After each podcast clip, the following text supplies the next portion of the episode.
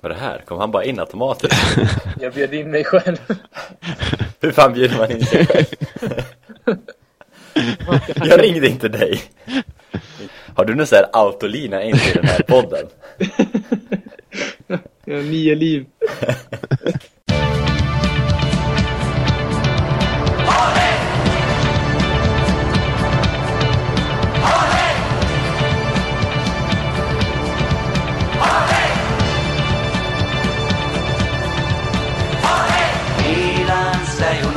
Uno squadrone, un gol, un tuffo dentro il cuore, la stella un simbolo d'onore che ci hai donato tu. Sui campi lotta e vinci sempre, se perdi non importa, non fa niente. San Siro un solo grido, un solo amore, forza Milan, dacci il tricolore.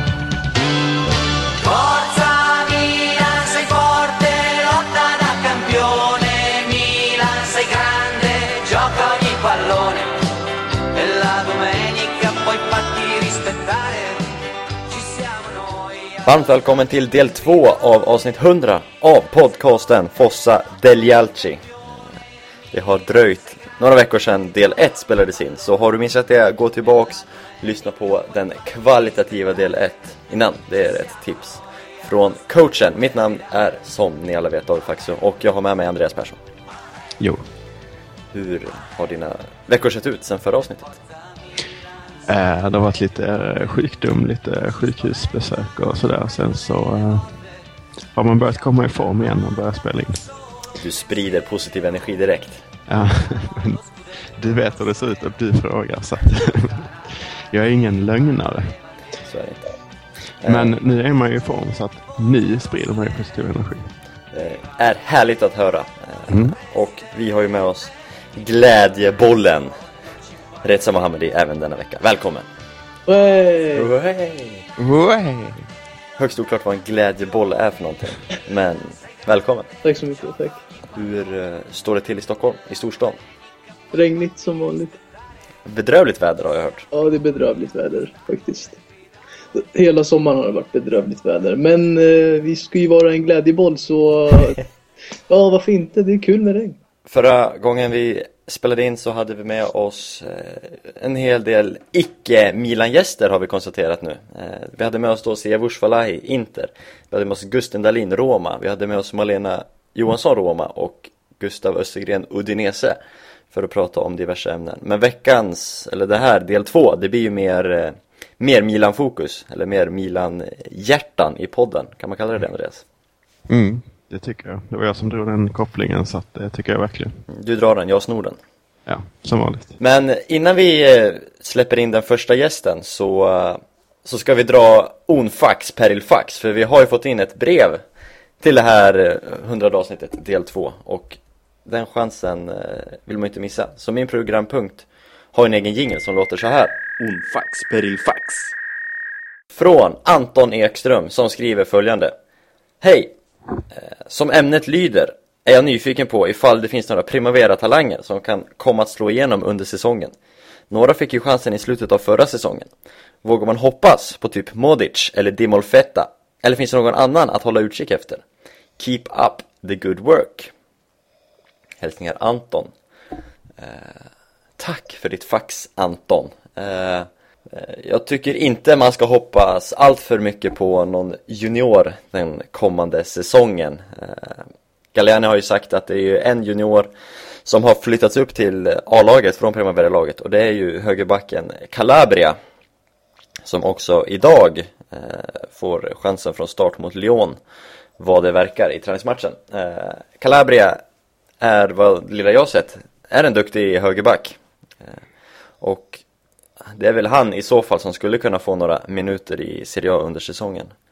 Eh, eftersom Abate eh, haft så här, lite skadehistorik, han blir borta så här, tre, fyra matcher på raken. Eh, har varit så under de senaste säsongerna. Och De Chilio är ju, ja, som han är. Efter vi har jinxat honom så, så kommer han inte upp i den nivån. Så det finns kanske möjlighet att Calabria kan få några minuter i Serie A i år. Det är ju förutsättningen att att inte Mihailovic prioriterar stjärnor som Sakardo eller dylikt. Ja men det är väl bara att hålla med. Det känns ju inte som att det finns ett jättestort utrymme nu när man kastar ut pengar över hela Europa för att plocka in eh, stora spelare. Så att ehm, det känns som att om man, vi hade förra säsongen Inzaghi och vi hade inga nyförvärv. Skulle, satsar man inte på junior då så satsar man inte på det nu heller.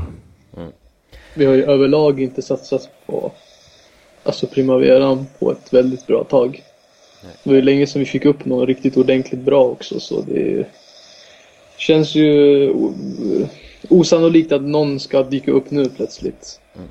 Men det verkar som ett bra val med, med eh, en högerback just. Det känns som att det är det som vi kan plocka upp. De Chilio har visserligen haft en dålig säsong eller ett par dåliga säsonger men eh, han har ju sett lovande ut tidigare. Vi har Abate, vi har Darmian som går till United för 20 millar så att eh, det känns som att det är högerbackar som, som man kan skola i den här, eller ytterbackar kanske man ska sträcka sig till, som man kan skola i Milan. Mm. Eh, Anton nämner eh, Modic i eh, sitt fax och det är ju eh, en spelare som jag har trott rätt mycket på. Jag, av det jag såg förra försäsongen så var han väldigt, väldigt duktig, Bosnien. Mm. Eh, och Milan försökte låna ut honom till Lugano, bekräftade Galliani nyligen. Men eh, eh, Modic fick inget så här, arbetstillstånd eller uppehållstillstånd eller vad det heter, en arbetsvisum i Schweiz. Så det blev ingen flytt dit för honom till Semans lag som faktiskt tränar Lugano den kommande säsongen. Men istället så gick ju Alessandro Mastalli dit. Och Mastalli är ju för den som vet, eller var för den som vet, eh, lagkapten förra säsongen i Primavera. Och det var väl också han som fick hoppa in i den avslutande matchen förra säsongen va, med A-laget. Vill jag minnas. Eh, Så Mastalli går till Lugano i Schweiz för att få lite A-lags speltid är väl tanken. Eh, Dimolfeta slängs också upp i mejlet. Eh, bra namn, men det verkar som att han får fortsatt eh, stanna kvar i Primaveran. Vad det verkar. Eller om han lånas ut i någon Serie B-klubb kanske. Det, det återstår att se. Mm. Ja. Hoppas det var, det var svar på din, på din fråga Anton. Är det någon du ska hålla något extra öga på så är det Calabria. Född 96 i december. Vilket är ovanligt att eh, så sent födda på året blir bra fotbollsspelare faktiskt. Men, eller bra idrottare överlag. Så eh, ja, håll koll på Calabria. Eh, Han kommer nog vara ledande i Primavera-laget och kanske få några minuter i A-laget. Bra, Se. ska vi, vi gå vidare? Jag tror jag satt och tänkte på lite ända sedan du sa att Sia var med i förra avsnittet. Nej? Kommer du ihåg att han jämförde Italien, det italienska samhället och den italienska fotbollen med Game of Thrones? Ja, det ringer någon klocka. Ja. Jag sitter och funderar på vilken, vilket hus Milan skulle vara. i Game of Thrones. Mm. Nu får ni, säg inte för mycket nu för jag är fortfarande på säsong två. Jag, jag kommer Åh, jävlar. Ja, då, då eh, eh, kan jag inte säga någonting. Nej, eh, eller man kan säga Vi lite. spoila om vi säger någonting. Ja, det är ju risken. Jag, jag har i alla fall min uppfattning om vilket hus Milan tillhör. Men Jag har också en klar uppfattning om den kanske inte frågan. säga någonting nu när Faxo inte har sett. Ja men säg, en- säg vilket hus ni tänker. Nej men det kommer ju, du kommer ju förstå då. Alltså, du, du kommer ju koppla direkt. Eh, ja, det blir svårt att säga något utan att spoila för mig. Eh, men, eh, ja, vad fan. Eh, ja, nej, ja, ja. Eh, kul tanke som jag förstör att det inte var aktuellt uppdaterat här. Men vi kan ju återkomma när jag har tittat igenom de här säsongerna om sista där tre fyra år. Kanske. Man göra. Eh, inga andra funderingar du har haft innan vi släpper in första gästen? Nej. Tycker vi kör. Då presenterar vi gäst nummer ett. Eh, med honom så pratar vi taktik, vi pratar tränarfrågan. Varför Pippo misslyckades och vad vi tror om Sinisa Mihailovic under den, eh, för den kommande säsongen. Eh, han har varit med förut i podden och gett bra taktiska analyser och han gör det även i textform på Svenska fans Milan-redaktion. Så Vi presenterar Jonas Desai. Milan, Milan,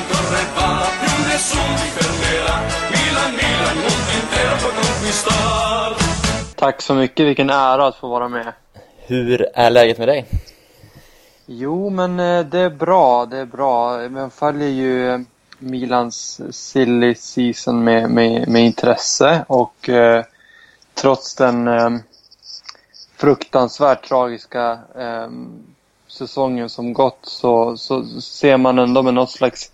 Det, det, man hinner alltid ladda om liksom. Man hinner alltid få upp hoppet eh, på några veckor och nu, nu, nu sitter man ju bara på, på nålar och väntar på att säsongen ska starta. Eh, Du nämnde Mercaton, eller silly season, en av de första värvningarna får man väl ändå kalla det, vi gjorde var ju att, eh, ja eller vi, först och främst så gjorde man sig av med Inzaghi och jag tänkte att vi skulle börja i den ändan faktiskt. Eh, Filippo Inzaghi var ju tränare förra året hela säsongen och fick ju blanda, eller han fick blandad eh, kritik. Det började ju med en hel del ros faktiskt och övergick i slutet till ris. Eh, men om vi på något vis försöker sy ihop hans förra säsong. Mm. Varför, eh, varför gick det så bra från början tror du och eh, blev sen sämre?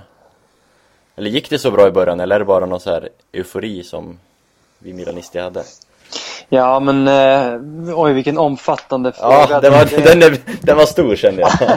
Ja, men jag, jag, jag gör ett försök här då. Jag, jag personligen eh, kände väl ändå att eh, i början av förra säsongen så var det något slags eh, moln som vi svävade på. Jag säger vi, då menar jag förstås eh, laget och, och, och Inzaghi och han, eh, han hade sån entusiasm och kanske, kanske det var en så här, eh, en, en, ett engagemang som bara finns i början av säsongen att man, eh, man är så man är så taggad så att allting bara flyter på och, och liksom hans, hans entusiasm smittar av sig och så vidare. Eh, för, men när jag började ana oråd var ju mot Parma då vi vann med något sjuka, var det, var det 4-3 eller 5-4? 5-4 tror jag det blev. Ja, 5-4 till och med. Tänk eh, vilken match. Och, och liksom, ja men det enda man kommer ihåg var ju Menes fantastiska prestationer och, och så vidare och så vidare. Men, men eh, när man väl satte sig ner och tittade lite grann närmare på det där så fattar man ju att okej, det är ju tre poäng men, eh, men, men, men det, det, det såg ju inte... Rent offensivt så såg det ju väldigt bra ut men, eh, men den defensiva aspekten var ju ett, ett stort problem och det var ju Ja, det var allt från fasta situationer till, till dålig centrering som, som eh, ja, gjorde att vi släppte in fyra mål. Och, och det roliga är att Diego Lopez tycker jag inte var... Eh, han var väl, han var väl eh, precis lika bra som, som alla andra på planen. Så det, var, det var någonting som fattades där kände jag.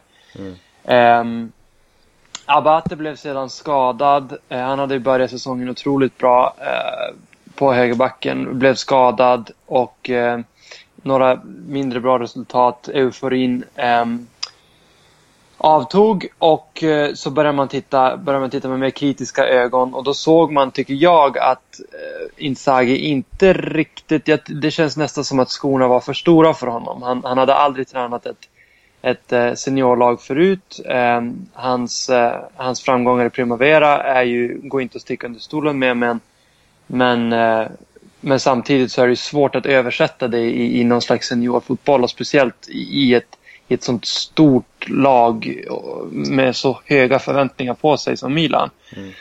Ehm, och jag brukar säga det när, när jag får den här frågan om, om, eh, om Inzaghi och, och, och, och nu när jag får lite distans till det så, så brukar jag säga att det känns som att Inzaghi gick in på Google och så sen skrev han in eh, mo- Modern Football Tactics. Eh, och så sen tog han det första bästa och så sen studerade han den. Det är förstås eh, väldigt krasst sett och överdrivet men, men det känns inte som att ehm, det känns knappt som att han trodde på det. Visst, han hade, han hade höga ytterbackar och, och så att de Jong kunde komma ner och, och, och hämta boll och styra från, från en, en, en sorts eh, Eh, snabbt tillämpad trebackslinje eh, så att vi kunde fylla på på kanterna och så sen ja, men, antingen komma med, med ja, men, eller frä, främst komma med, med inlägg då till, till en, en, stark central forward. Eh, det här lyckades inte alls eh, eftersom, eftersom allt eftersom säsongen gick så läste folk eh, Milans taktik tämligen enkelt och det blev egentligen bara stillastående, sidledspassande, eh, inte bryta linjer, inte bryta lagdelar utan egentligen bara spela runt. Så att, så att vilket lag som helst, speciellt i Italien, kan utmanövrera det eh, liksom utan problem. Och, och, och, där tyckte jag han aldrig hade en plan B egentligen. Och, eh, Hondas form avtog och så vidare. och så vidare. Det är förstås många aspekter som spelar in men främst tyckte jag att det var Inzagis oförmåga att anpassa sig till, till den där situationen. Han hade liksom den tanken hela säsongen ut. Eh, och, och, och, och, det gick ju som det gick kan man säga. Mm. Bra utläggning på, det, på den luddiga frågan, måste jag säga. Det måste man ge dig. Ja, tack, eh, tack. Håller du med Andreas? Eh, har du också någon sån här punkt i säsongen du började ana oråd? Ja, det var ju faktiskt inte på uh, redan på andra matchen där men uh, jag håller med uh, i uh, stora drag helt. absolut, det var en väldigt fin klarläggning. Man började väldigt, väldigt starkt och det var kanske mycket flyt också att man fick den här fantastiska starten som gjorde att man kunde liksom sväva vidare på något sätt på det. Och det var ju visst, jag vet vissa som var kritiska redan i början som såg det utifrån att Milan fick fler poäng än vad man förtjänade sett till eh, att man spelade till, eh, sig till så mål, eller bra målchanser och så vidare. Ehm, men det kändes väldigt bra i början för att jag, när jag tänkte på Inzaghi som tränare så tänkte jag på honom som någon som skulle vara väldigt noggrann och studera detaljer och sånt där. Och så kommer han in och visar den här entusiasmen eh, som eh, som eh, Milan utstrålade i början, då fick jag väldigt bra för det känns som att han har, han har, flera, han har den här motivationsbiten men han har, borde ha den här taktiska eh, erfarenheten, eller inte erfarenheten men eh, eh, Egenskapen? Ja, helt enkelt. Eh, han eh, med den starten så var alla optimistiska men så, så kom det också eh, det var väl, jag kan inte sätta något exakt ögonblick när det, när det liksom gick ut för, för min del. Men eh, det, det, blev mer och mer uppenbart att han var inte taktiskt slipad överhuvudtaget utan eh, om jag kan ta en, ett exempel, nu var inte det där bör, när det började, men när vi mötte Empoli till exempel. Eh, det kommer jag ihåg väldigt tydligt för att de har, hade till exempel Valle Fiori som är oerhört långsam. Men hade han inte varit långsam så hade han spelat i ett topplag i Europa egentligen för att han, är, han har så fantastiskt fina fötter. Mm. Alla vet om det. Alla hade punktmarkerat honom och inte sett till så att han får slå liksom bollar över, eh, över backlinjen hela, hela tiden. Alla förutom en.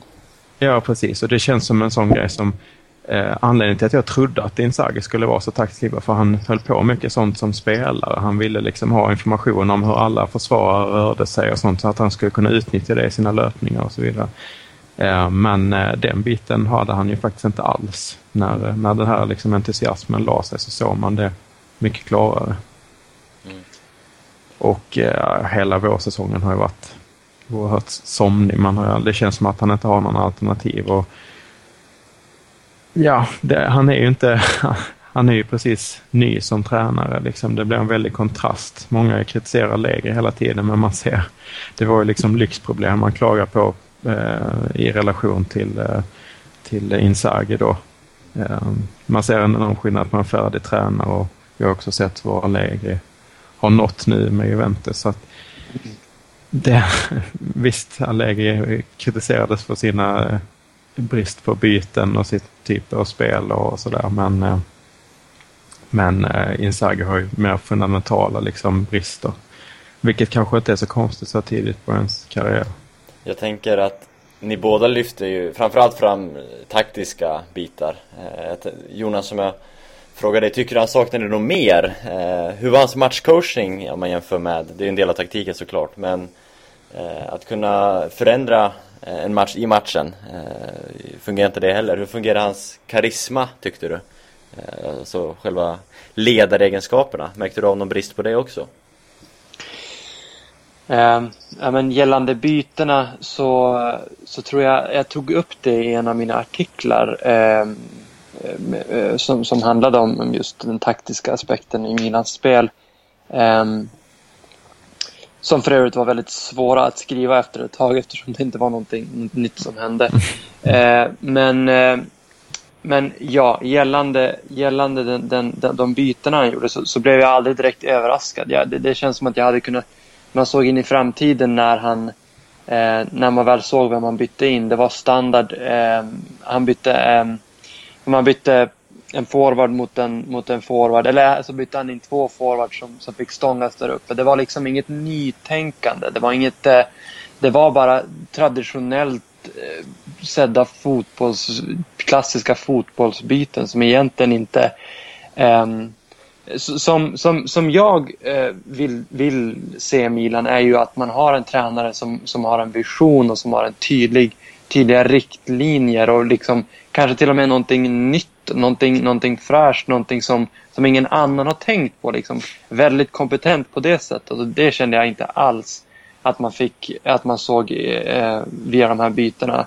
Ehm, ehm, sen så, hans karisma går ju inte att, att klaga på. Jag menar, i början av säsongen när, när Milan gjorde mål så, så var det ju glädjen var ju, det var ju precis som att han hade gjort mål och det, det var ju underbart att se. Eh, vilket jag tror också smittade av sig. Men, men det är liksom en entusiasm som bara, som bara räcker så länge. Eh, och efter det så, så insåg man att ah, men det är lite ihåligt allt det här. Så att jag tror att eh, den karisman är eh, absolut väsentlig och, och viktig på alla sätt och vis. Eh, men, eh, men, men, men, men, men liksom inte hållbar i längden. Och, och, och, och om man hade pli på sina spelare, det är svårt att säga. Jag tycker väl att Suleiman Tari reagerade eh, avskyvärt dåligt eh, i, ja, det var under vårsäsongen och, och det vart liksom inga konsekvenser där. Eh, vilket kan vara ett tecken på att han, han har problem med konflikter. Eh, det ska jag inte spekulera i men, men, men ja, det, det, var, det var mycket som fattades i Inzagis eh, första säsong som seniortränare. Det, det är bara att konstatera. Eh, Du var inne på en annan grej tidigare också. Eh, Om man, om man går tillbaka till alltså mer taktiskt, sifferkombinationer. Mm. Inzaghi testade ju flera olika ändå. Han testade 4-3-3, 4-3-1-2, 4-2-3-1 testade vi väl också. Visserligen är det, det är en lek med siffror och det är Mm. lätt att komma tillbaka till det. Men eh, alltså försö- hans försök eh, ty- vad tyckte du passade? Var det någon som passade bättre än någon annan eh, sifferlek? Ehm, ja, det, det är en jättebra fråga. Jag, jag, jag skulle nog säga att eh, jag inte såg... För att om, om man ska bedöma en sån sak så tycker jag man får titta på minst fem matcher i rad. Och, och, och det var liksom aldrig en period under året som, som Milan... Eh, ja, men som Milan spelade stabilt. Låt säga de, de inte gjorde så många mål men, men de, de släppte inte heller in så många mål. Det var liksom inte mer än tre matcher i följd som, som, det, som det, en period på mer än tre matcher i följd där man kunde se sådana mönster. Ehm, och tycker inte jag i alla fall. Och, och, och så, så, så även om man försökte ändra så kändes det mer som att det var en, en panikartad åtgärd eh, hellre än, än, än, än en planerad eh, noga utstuderad liksom, taktisk förändring. Och, så, så jag personligen såg, såg eh, inte mycket skillnad mellan de här. Jag tycker ett, ett, ett problem är Eh, just det här jag menar med att Milan har svårt att, att hota många gånger eh, med, med de här ytterbackarna. De Sciglio fick otroligt mycket förtroende i början av, av säsongen. Eh, och han eh, tog inte den chansen tycker jag. Han, han är en ganska eh, Alltså nästan till en, en träskalle eh, i många, många, många aspekter. Som om någon har berättat för honom vad han ska göra för att sedan, eh, och så sen, ut, sen utför han bara det eh, handlöst. Och, och en, fotboll funkar inte riktigt så. Det, det, det sker förändringar hela tiden och man måste ta nya beslut hela tiden. Och, och ska man spela med så pass höga ytterbackar, när, när ytterbackarna har bollen så pass mycket så kanske man eh, ja men då kanske inte De Chiglio ska spela. Eh, med det sagt vet jag inte vem som skulle spela i hans, i hans ställe men, men det är liksom en, en taktik. Man måste ju basera taktiken på det spelarmaterialet man har. Och, och, och det, ja, det, det lyckades inte Inzaghi med. En annan aspekt är ju de Jong. Ska han ha så mycket boll som han har? Eh, han har ju, jag tycker han har utvecklat det spelet otroligt mycket. Han blivit mer slipad, högre passningsprocent. Eh, och, och, och, det är ju otroligt viktigt i den positionen han spelar eh, på. Men, eh, men bidrar han till någon slags offensiv eh, rotation? Bidrar han till någon slags eh, genomskärande passningar som öppnar upp spelet?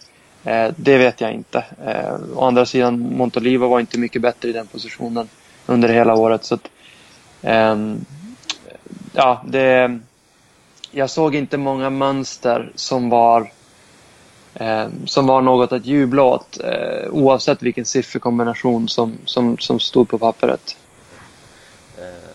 Men Andreas, sen fick han ju sparken nu efter säsongen. Eh, det stod väl klart rätt tidigt att han skulle få gå, men vad tycker du om, eh, om hanteringen av, av Inzaghi? Mm. Ja, det, det faller lite i linje med, med hur eh, resterande symboler har avtackats eller eh, inte avtackats. Eh, speciellt snyggt så att säga. Eh, från, ja, Maldini egentligen nästan. Så har det bara... Eh, det var Ceder förra säsongen. Sköttes fruktansvärt osnyggt. Och eh, innan det var det på spelarsidan med Ambrosini och sånt där som kunde gjorts mycket bättre. Det... Mm. Det du, det du menar är väl eh, att man så öppet pratade om andra tränare? Ja, att man, eh, man reste till Madrid för att hämta hem Ancelotti när eller när Pippo fortfarande hade kontrakt, till exempel. Ja, man pratade ju rätt så mycket. Det var ju uppenbart egentligen för alla att det var Mihailovic ganska tidigt, i, eller ett par veckor i alla fall innan han presenterades. Ja, så, och, så fort Ancelotti var out så kändes väl Mihailovic. Det gick rätt snabbt då. Ja, men eh, som sagt det var ju Inzaghi fortfarande kvar så att säga. Mm. Och efter, alltså att Milan inte lär sig efter att man har gjort sådär med Cedorf eh, och fått så pass mycket kritik. Eh, jag vet inte. Nu lämnar ju Pippo ändå med rätt positiva ord på sätt och vis. Han eh, kritiserar ju inte Milan lika mycket som Cedorf gjort kanske. Så man har väl inte riktigt bränt honom till 100% men det är ju ändå ja, det är illa agerat. Tycker jag i alla fall. Ja, sen är frågan om det bara är han som som säger det. Det, kan inte, det kanske inte är så han faktiskt tycker så att säga. Nej. Del Piero var väldigt tacksam mot Juventus när han sparkades ut men eh, eh, så har det inte låtit i efterhand så att säga. Han har ju ingen, han kommer aldrig eh, komma tillbaka till Juventus liksom. Och, mm. ja, det, är, det är intressant i sig för jag trodde inte att Inzaghi skulle vara en sån lydig pjäs som han visade sig vara men eh, Sedoff eh, kunde man ju förvänta sig var frispråk. Jag trodde Inzaghi skulle, skulle gå rätt hårt åt också eh, och försvara sig själv men eh, han har eh, rättat in sig i ledet.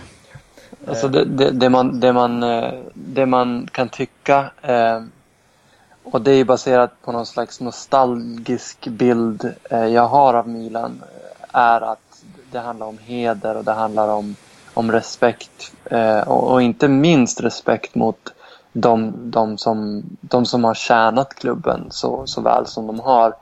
Eh, och i ett, i ett fotbollsklimat som blir allt mer hårt och eh, fokuserat på ekonomi och, och liksom hur mycket pengar man har eh, och, och, vad man kan sälja och vad man kan köpa. Eh, ja, men exempelvis eh, Casillas behandling nu i Real Madrid och så vidare.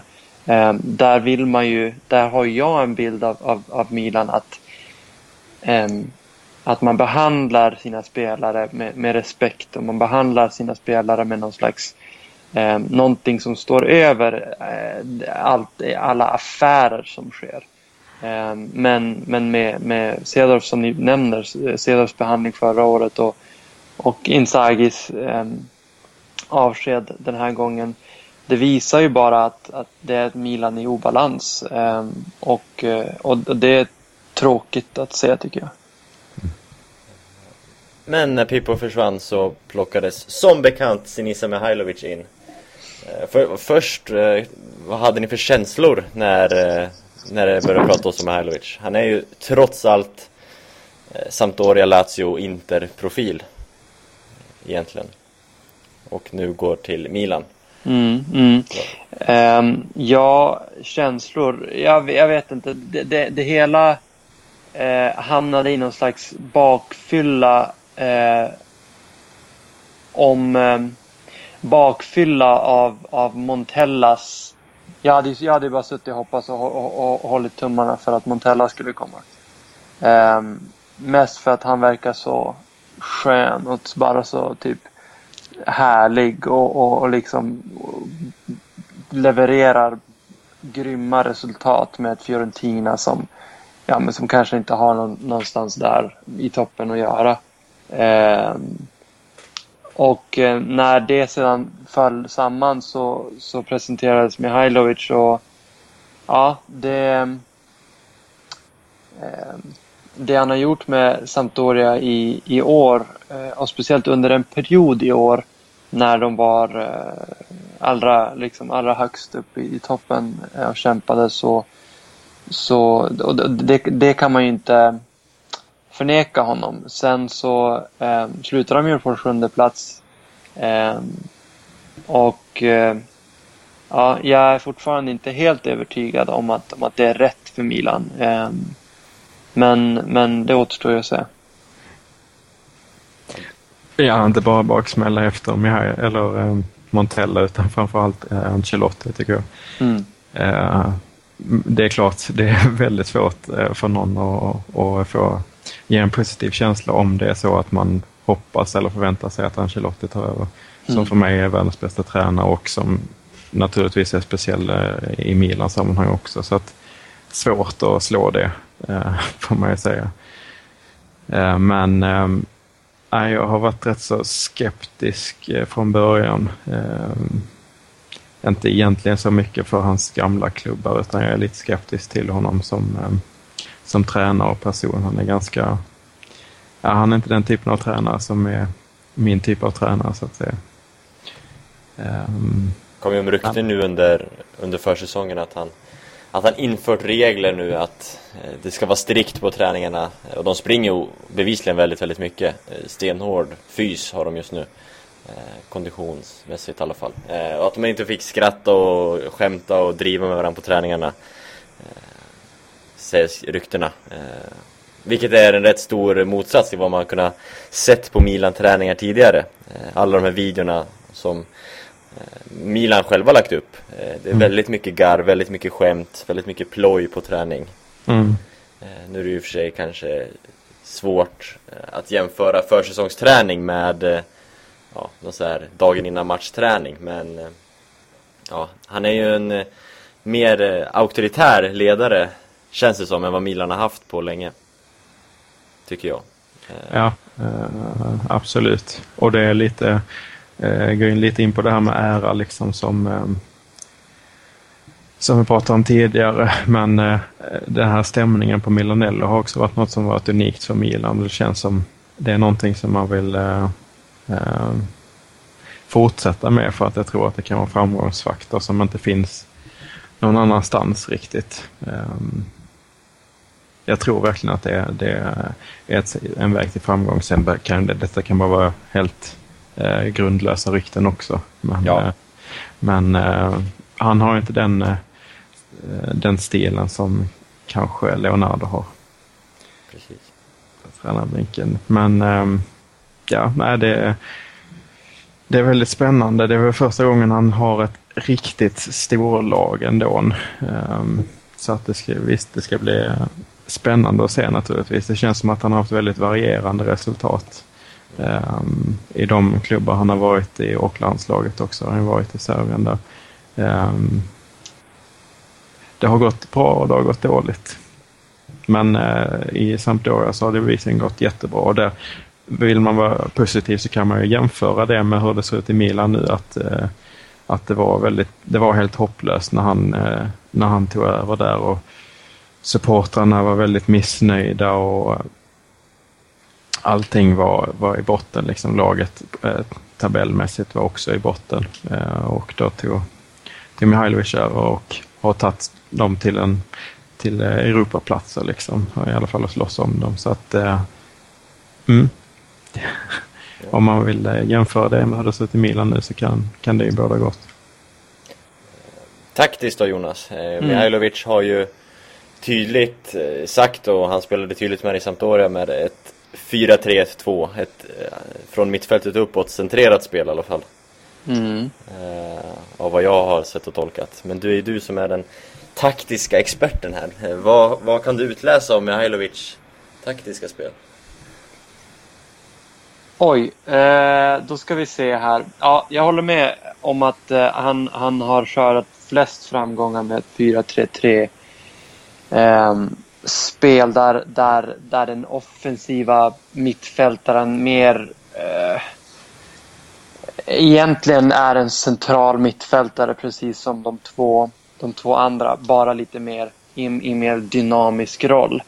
Ehm, och och eh, det, det tror jag kan vara någonting för Milan. Eh, eh, idag så, så vann de med 5-1 mot, mot ett eh, torftigt, eh, fattigt motstånd förvisso. Men, men eh, då spelade man 4-3 4-3-1-2 tror jag.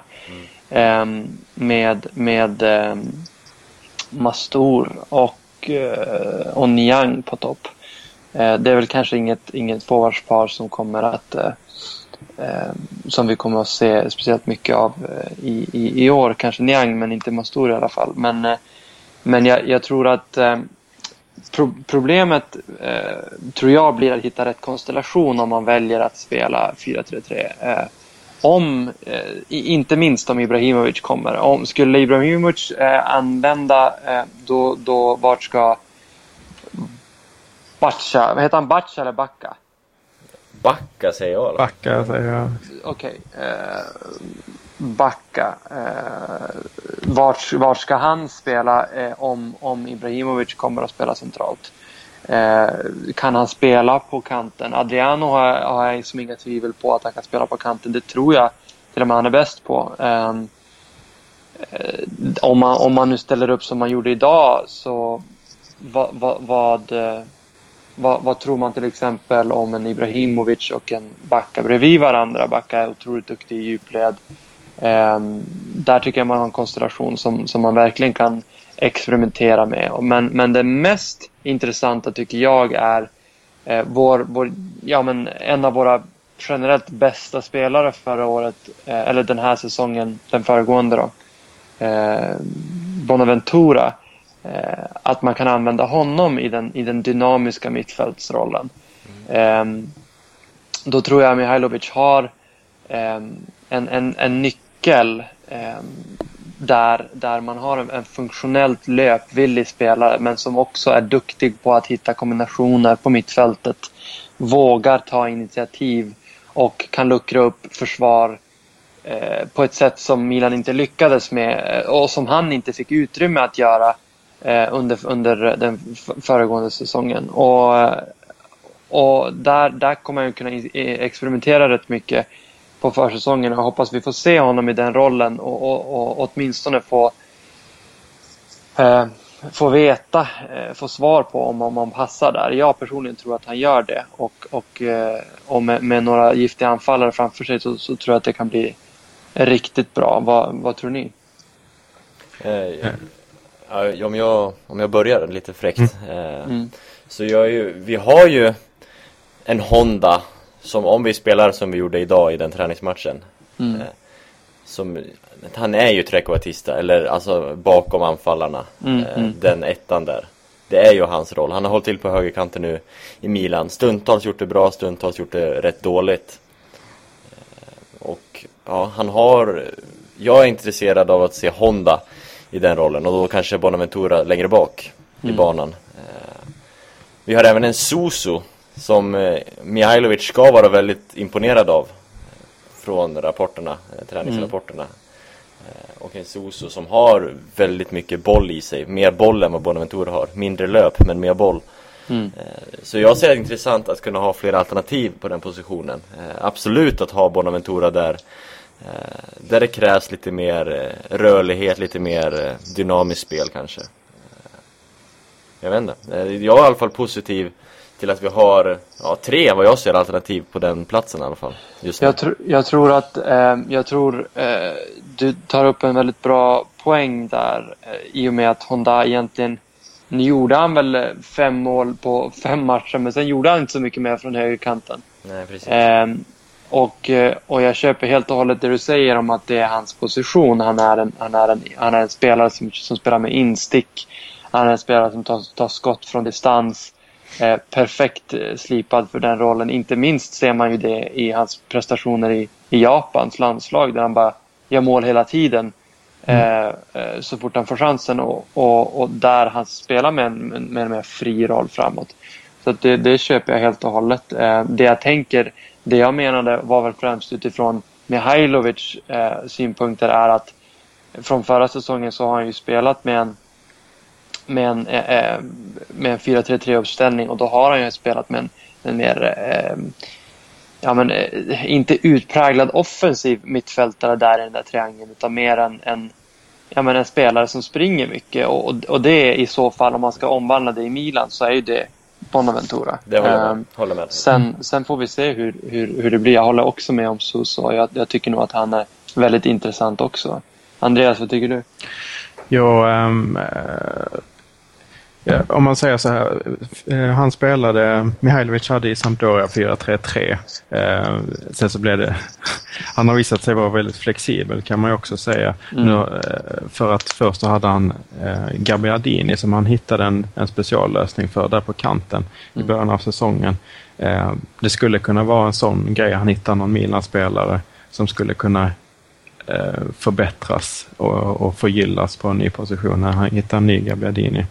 Sen så eh, visar ju Mihailovic på att han kunde hantera det när, när eh, Sampdoria helt galet bara sålde Gabbiadini och plockade in Eto'o och eh, Muriel.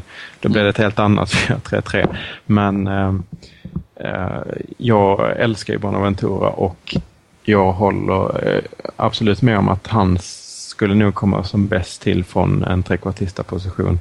Men vi har så många andra spelare på den positionen att jag hellre vill ha Bonaventura på mittfältet. Där vi inte har lika många bra spelare.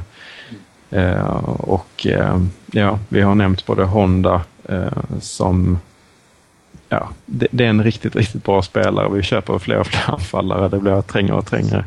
Eh, men S har vi inte ens nämnt. Eh, liksom, vad ska han få plats i det här? Han får inte plats, om du frågar mig. Nej, det, är- det är en rimligt antagande. Eller så är det i trekvartistarollen som han skulle kunna konkurrera på. Eh, Det, det känns konstigt att säga att han inte får plats när han eh, var bästa målskytt förra säsongen. Men jag, jag tror verkligen på ett 4-3-1-2 eller i alla fall att vi kommer ha två centrala anfallare eh, i och med att vi har så många centrala anfallare eh, i, i back Adriano tänker jag då på och sen så är det som vi nästan har tagit för givet att eh, det är Zlatan som kommer komma också. Eh, och då så har vi Niang och Matri fortfarande kvar i klubben och sådär. Så vi har gott om centrala anfallare och man även lägger in Menes där. Så att det känns givet att i alla fall två får plats i startuppställningen. Ja.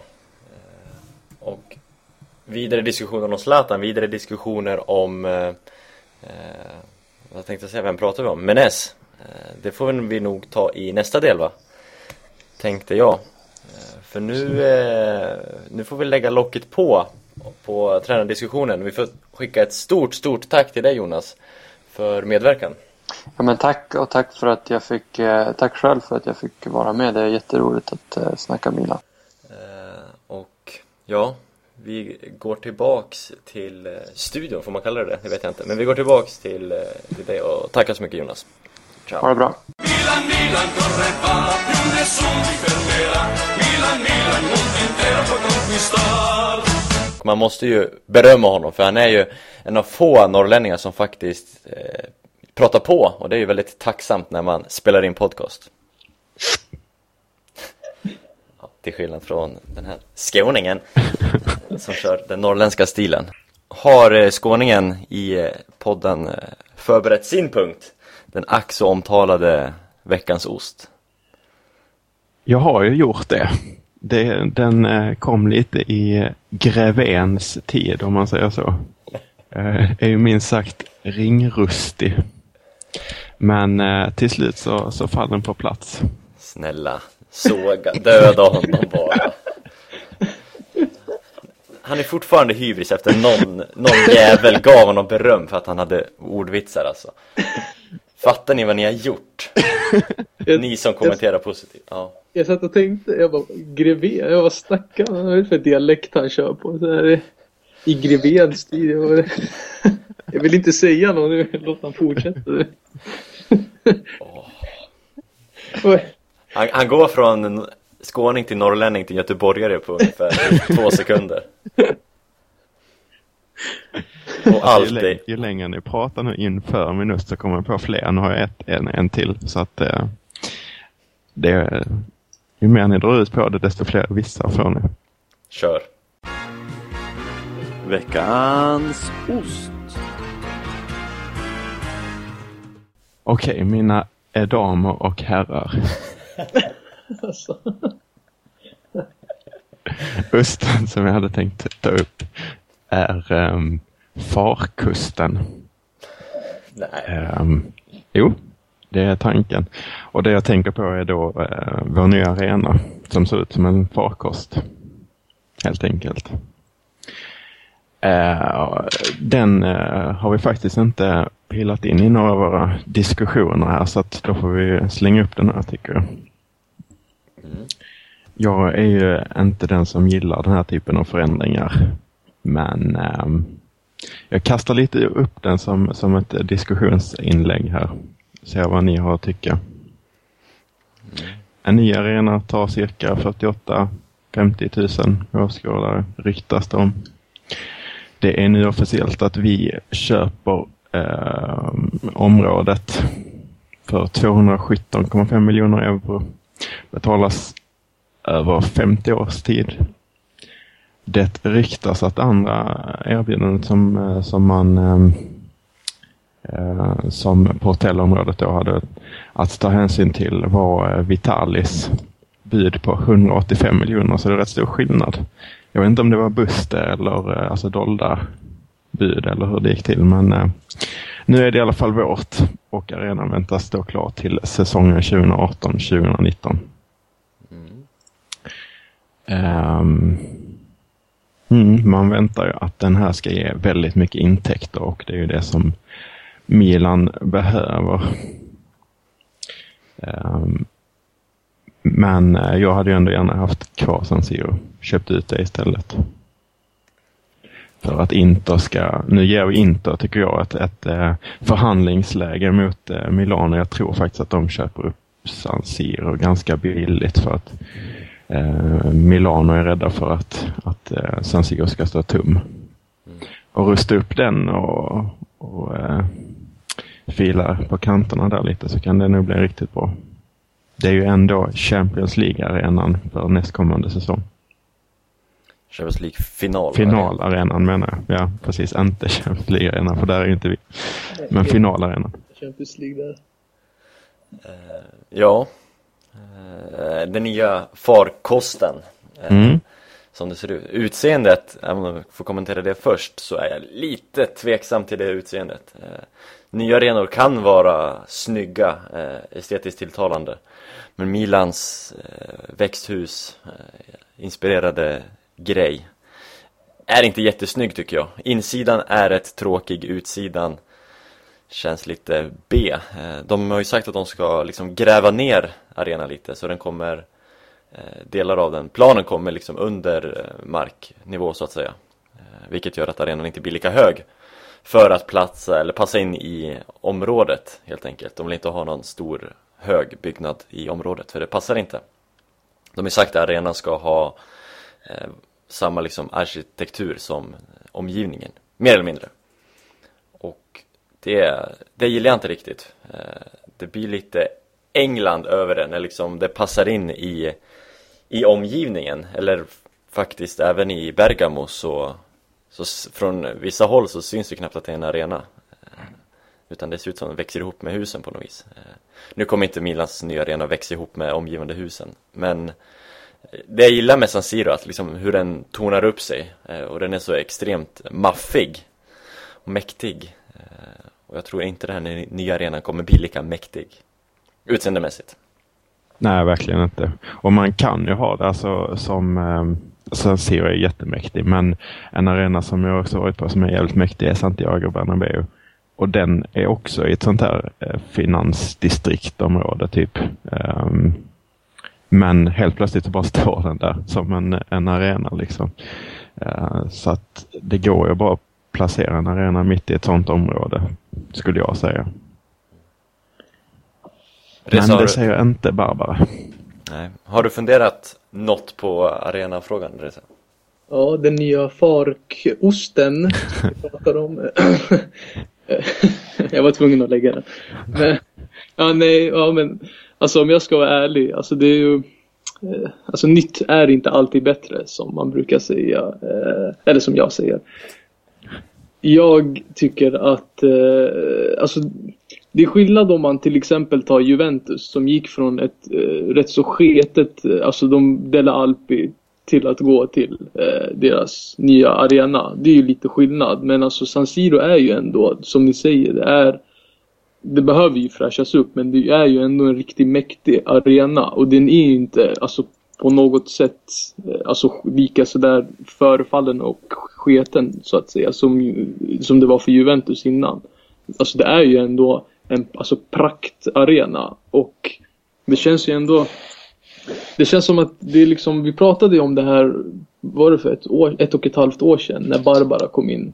Eh, och det började ju liksom redan, man anade ju vad som skulle ske. Det här är ju inte något eh, nytt eller oväntat direkt. Men det är ändå lite så här, man blir ändå lite tagen när det väl sker.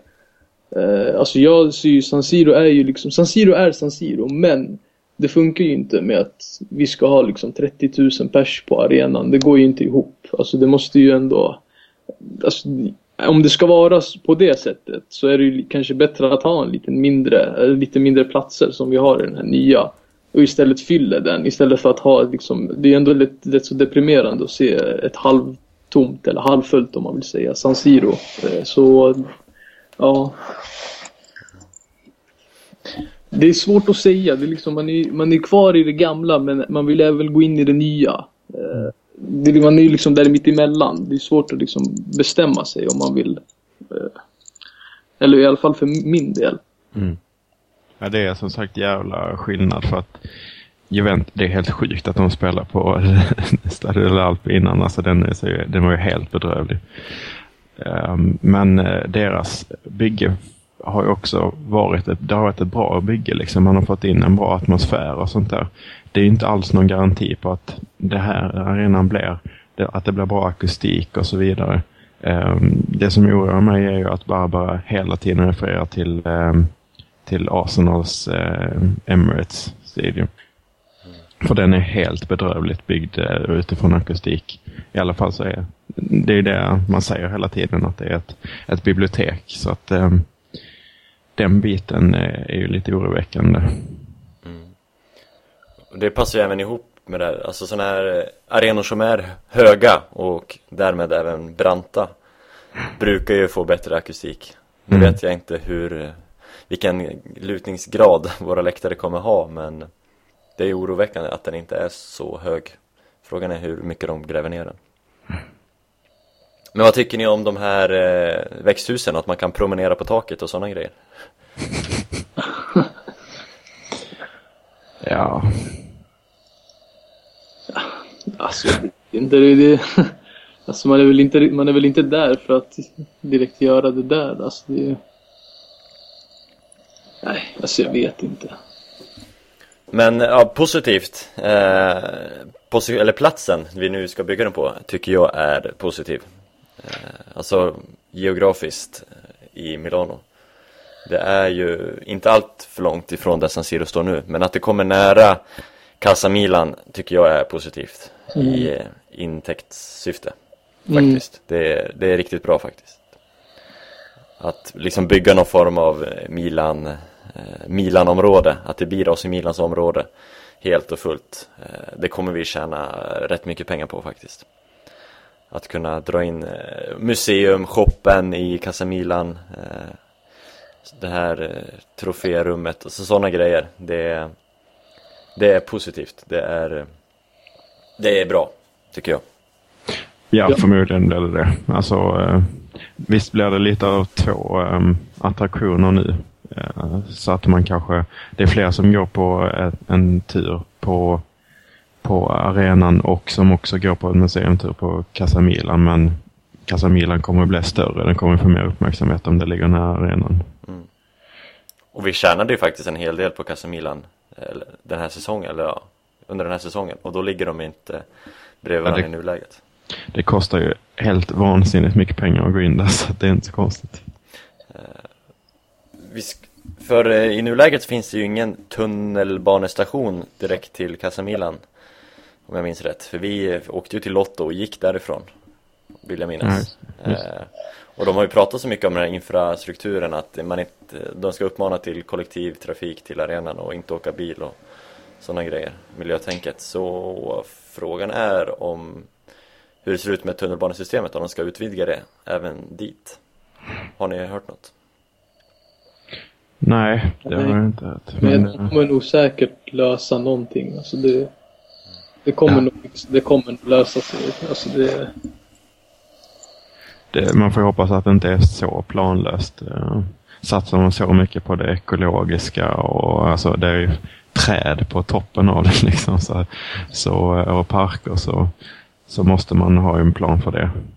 Vill jag det, kän, verkligen. det, känns, det känns ju liksom, alltså, hela det här bygget och hela det här projektet känns ju genomtänkt. Så det borde ju ändå vara, rent logiskt så borde man ju ändå, det kommer Ja. fixa sig alltså, förr eller senare. Det finns säkert konkreta planer bara som inte någon av oss har läst.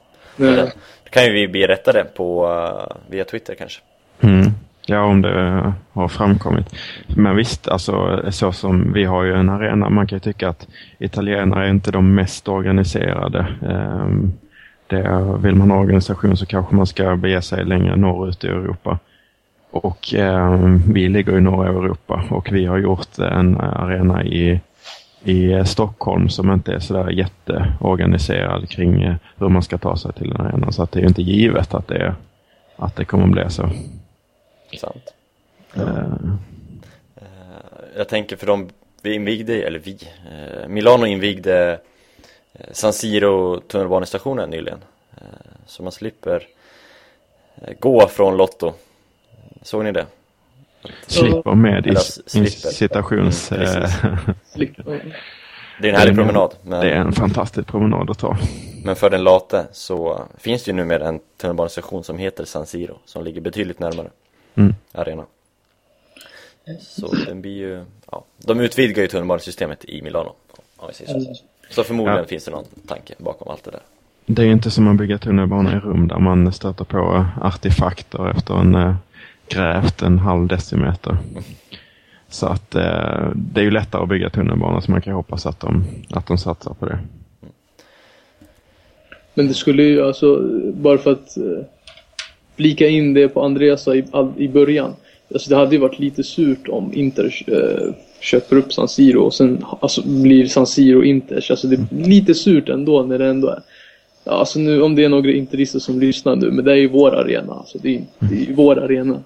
Eh, så att säga. Jag bryr mig inte vad ni tycker. Eh, så det är lite surt att se dem, alltså, ta, alltså att arenan blir i deras namn liksom. Det, de kommer ju ändra det till Giuseppe Miazza också säkert. Eh, bara för det och sen eh, alltså, det är lite surt ändå alltså. Om de skulle gå in och ta den. Och dessutom, dessutom billigt kan jag gissa. Ja. De har ju pratat om att Tuhiri ska, vill eh, ta bort tredje etage på San Siro. Eh, få en arena som tar en 60 000 kanske. Vilket känns rätt optimalt. För Mm. tredje, tredje etagen är ju inte superbra på San Siro. Nej, alltså det är, det är bara i stormatcherna. Som det är Men- folk där ja. Ja, precis. det är ju- Och som det tillför. ja. Men det är ju så jäkla högt upp. Ja, det är det. Men det tillför ju fortfarande i stormatcherna. Ja visst, men det är ju jag hade gärna sett att de hade tagit bort dem idag, Mm. faktiskt. Men, Det men, det men har, har någon av er varit på Camp Nou? Nej. Ja, Det är ju ännu mer, det är ännu högre upp ja. För, det, för dem. Men det, de, jag vet inte, de löser det ändå. Det är ändå De fyller ju det, de behöver ju så stor arena. Ja, exakt. De behöver ju det. De fyller ju, alltså där, deras, jag vet, är det tre eller fyra de har ett tag? Alltså de är ju väldigt högt upp, de som är högst upp på Camp Nou. Mm. Men de bryr sig typ inte. De kör, alltså de har ju på deras ligamatcher har de ju 80-90 på plats. Ehm, men ja, sen är det ju skillnad på Barcelona och Milan. Alltså attraktionsmässigt kanske det. Men det är det som, det som är tråkigt är ju eh, om, om man är lite egoistisk och ser hur det är från vårt perspektiv som reser från eh, Sverige. Så är det jävligt enkelt att få tag på biljetter till San Siro oavsett vilken match eftersom den är så stor. Det kommer att bli dyrt att gå på den här arenan i jämförelse med San Siro. Det kommer att bli svårare att få tag på eh, biljetter. Dessutom de matcher som, som eh, vi kanske typiskt sett åker på är stormatcherna och då fyller man mer än de 50 000 som, eh, som eh, den här nya arenan kommer att ta.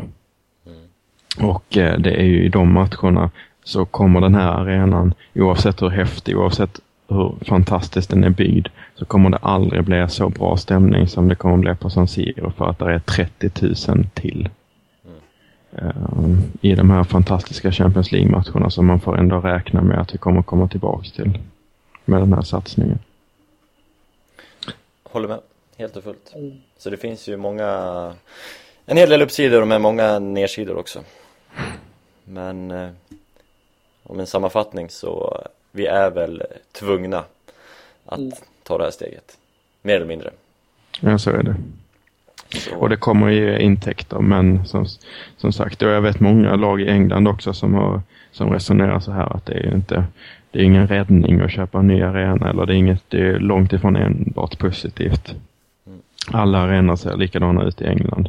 Det är en skillnad på när Arsenal kommer hit och spelar i Champions League. Det här exemplet tog jag i- del det lätt också. Men när, eh, när Wilshire och, och eh, Ramsey och grabbarna som är etablerade i toppen av, av Premier League kommer till San Siro så är de liksom häpnade av hur den ser ut och de står och futtar eh, utanför arenan och har sig.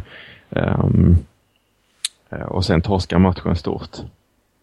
När, om- går de till, till den här nya hashtag We Are AC Milan-arenan så, så är det som vilken arena som, eh, som helst i Premier League. förmodligen, ja. Insidan ser i alla fall väldigt Premier League-ig ut. Eh, Så ja, vi får, eh, vi får se. Och det ska ju sägas, tycker jag, att även om det nu är klart att Milan ska få köpa den här marken så jag ser ingenting är klart förrän spaden är satt i marken. Det har vi sett i, i Roma, det går ju inte supersnabbt där. Det har varit klart inom citationstecken länge nu men det, de har inte börjat bygga någonting än va? Då tar du ut saker i förväg om du tar första spadtaget. Jag skulle vilja säga när de eh, klipper bandet. Ja. Kanske det. Eh, men ja, bra, bra ost, eh, bra ämne, sämre ordvits. Men det får man ta. Eh, ska vi eh, släppa in det ämnet som jag tror de flesta har väntat på? Absolut. Eh, Det kommer ju såklart vara Mercaton och den delen är rätt mycket längre än de andra delarna eftersom det var svårt att sno ihop Mercaton på 20-30 minuter. Så det är väl ungefär upp mot en timme Mercato-snack som väntar er lyssnare just nu. Och jag ska säga efter Mercato-snacket med eh, den väl meriterade älggästen Robin Blomé är klart så så kommer vi prata lite om Fossa del Alcis framtid och vad som väntar oss och den här podden. Men först eh, en timme Mercato med Robin Blomé. Milan, Milan correva, più nessuno ti fermerà. Milan, Milan, mondo intero può conquistar. Tack så mycket. Hur har du det i min hemstad Västerås? Eh, Ja, det, det är som vanligt. Händer inte så mycket här. Så mycket nytt. Eh, regnar som eh, brukligt den här sommaren. Mm. Så eh, skydda mig inomhus. och kanske sitter på, låt säga Tutto Mercato Webb och eh, uppdaterar, eller gianlucadimarcio.com och uppdaterar. Ja, det, det händer ju. Mm. Eh, för som sagt, vi ska prata med Mercaton med dig. Eh, och det finns en hel del att prata om i Milan och den här sommaren och Mercaton. Det har ju hänt en hel, en hel del och det lär ju hända lite till på de här sista ja, en och en halv månaden, tror ju jag. Men jag vill eh, börja i den enda med de spelarna som vi redan har värvat. Med det som är klart och spikat idag den 16 juli. Får se när avsnittet kommer upp och om vi kanske värvat någon ny, men det vet vi inte. Men 16 juli har vi i alla fall värvat Rodrigo Eli, eh, Verdi, hjälper med förnamn, jag kommer inte på det. Eh, Simone. Simone, eh, Carlos Bacca, Luis Adriano, Andrea Bertolacci och José Mauri. Och vi börjar väl bakifrån, Rodrigo Eli plockades in eh, på delägarskap va? Från eh, mm. Vill jag minnas. Eh, är det en spelare som kommer stanna kvar i Milan, tror du Robin? Eh, det beror nog lite på eh, vad, vad som ramlar in. Det är väl Mihailovic som har haft en stark önskan om att, att få se honom på allvar under, under försäsongen och det är väl sagt att han ska, han ska utvärderas under, under nu sensommaren och eh, få se om det blir att han eh, blir ett eh, backup-val eller att eh, om han försvinner på lån en säsong till minst i alla fall. Han var ju bra och tongivande i Avellino, vad jag har läst mig till. Mm. Jag tittar ju inte supermycket Serie B ska erkännas, väldigt lite faktiskt. Men han är ändå bra i ett Avellino som slutar nia. Är det tillräckligt bra för att kunna ta steget till Milan tror du? Eller hur mycket kan man utvecklas liksom?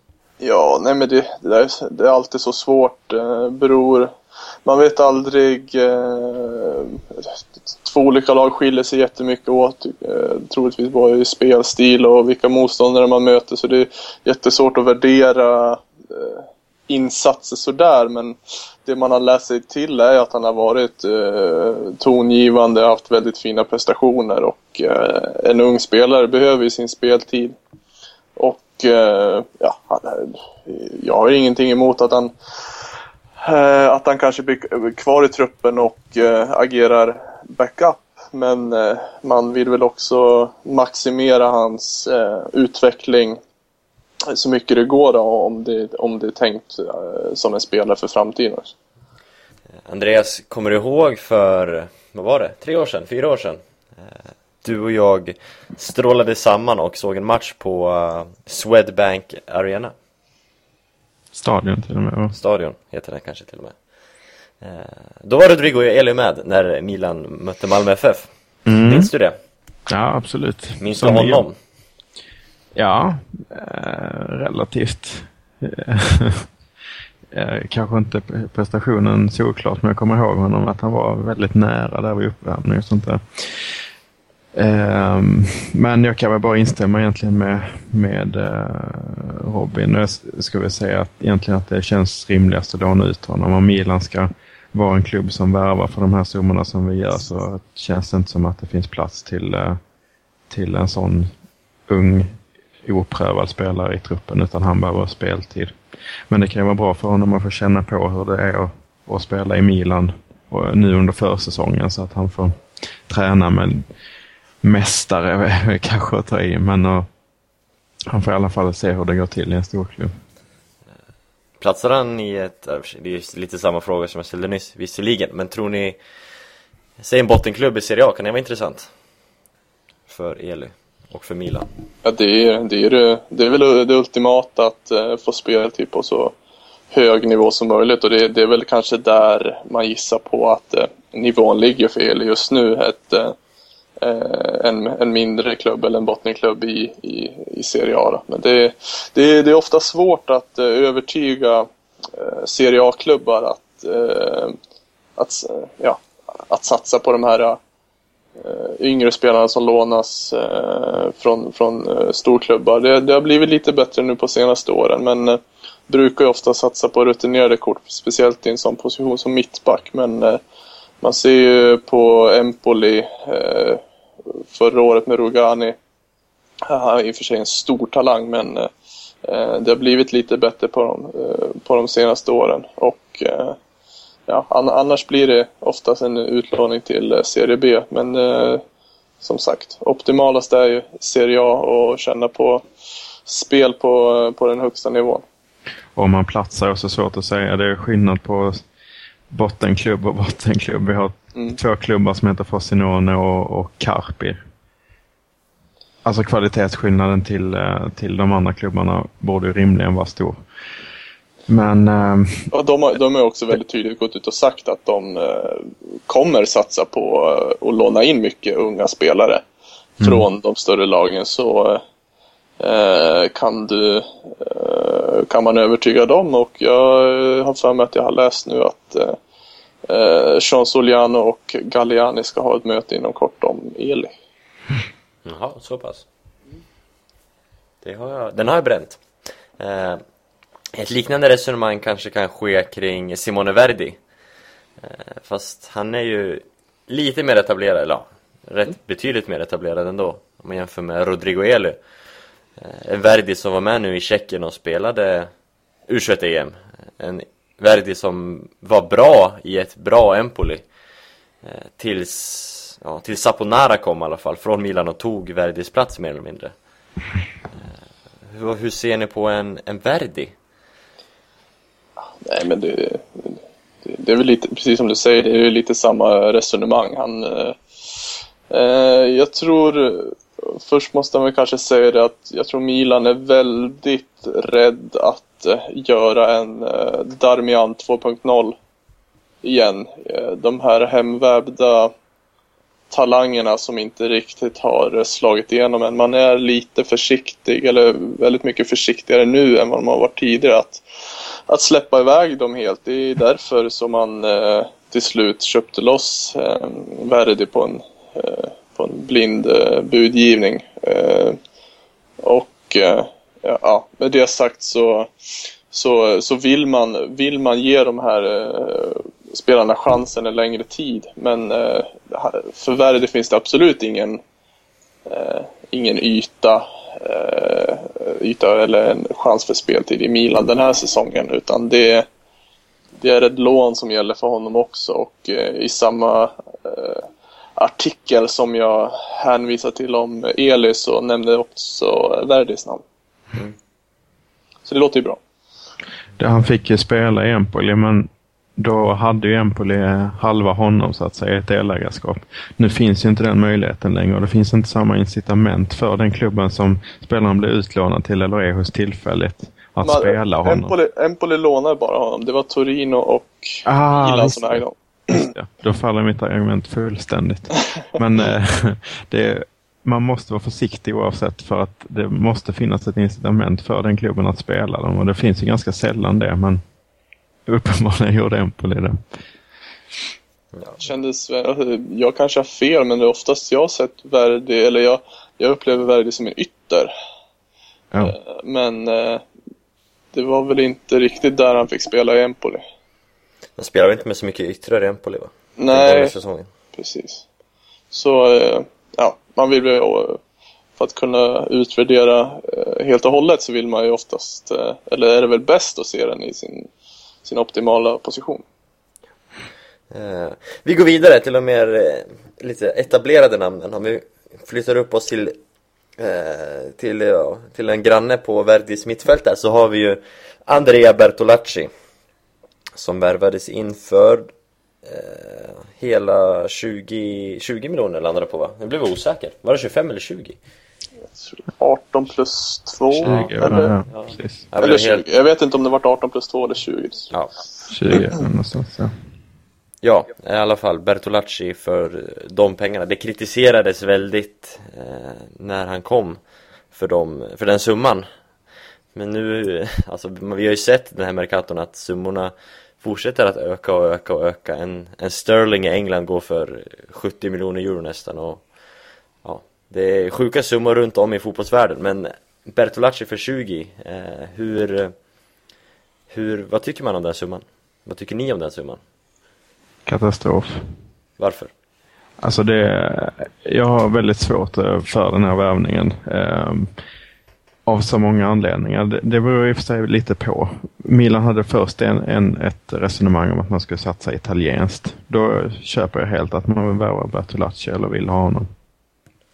Men sen säljer man Sharawi och man värvar in, vi har redan fyllt, fyllt vår kvot för icke-EU-spelare e och så vidare. Ehm, det spåret kommer vi inte satsa på. Ehm, så då, då känns Bertolacci det känns som eh, väldigt överflödigt. Han känner, det känns inte som att han spetsar, trupp, alltså spetsar en startelva speciellt mycket.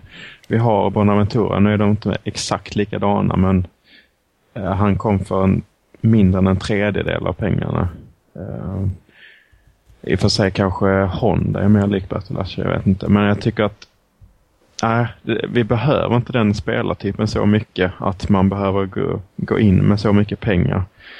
De, vi hade behövt slänga upp pengar för att göra ett statement att vi, vi vill satsa och sånt där. Men det gör man genom att värva typ Kondogbias alltså, som inte har gjort, inte, inte Bertolacci.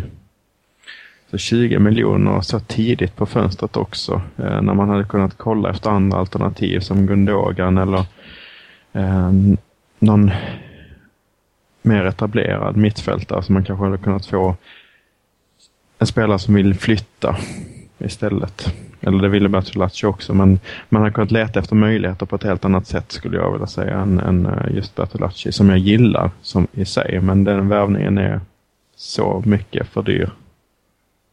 Håller du med Robin?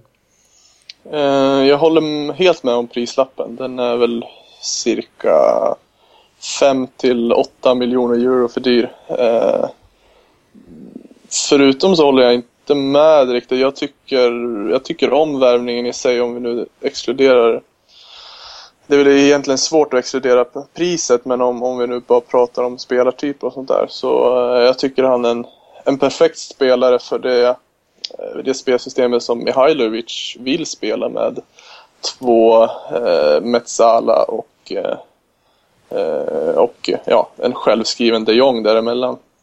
Jag eh, tycker han håller mycket högre kvalitet än eh, Montolivo, Poli som också är ja, tänkt att spela den positionen. Bonaventura är väl eh, trekvartista eller Metsala. Men, det är inte riktigt samma speltyp. Där har vi väl en lite eh, offensivare balans på Bonaventura. Men jag tycker eh, Bertolacci är, är en en duktig box-till-box-spelare. Eh, gjorde en jättefin säsong i Genoa förra året. Eh, bra ålder, 24 tror jag. Eh, så ja, men eh, jag är rätt... Jag, jag, tyckte verkligen han gjorde otroligt mycket för Genoa förra året. Mm. Eh, och, och, Milan var väl inte så mycket bättre än vad Genoa för, var förra året. Så, eh, men ja, det är ju bara speltypen i sig. Sen måste man ju sätta det i paritet till, till prislappen och då, då är det ju helt plötsligt inte en, en, en bra värvning. Eh, och eh, hela den här eh, italienskt, icke-italienskt, den, eh, de eh, projekten och så vidare, de, eh, de kan man ju lägga, lägga åt sidan för gott känns Ja. Ja, men jag, jag håller med dig. Det finns ju en risk att, att, eh, att han blir... Eller det kan ju vara så att han går väldigt bra. Då är det farligt att säga att det är en katastrofvärvning. Men det är ju på grund av prislappen. Liksom. Mm. Och jag håller med om att, att han och Bonaventura inte är samma typ av spelare. Men känslan är ändå att vi har Bonaventura.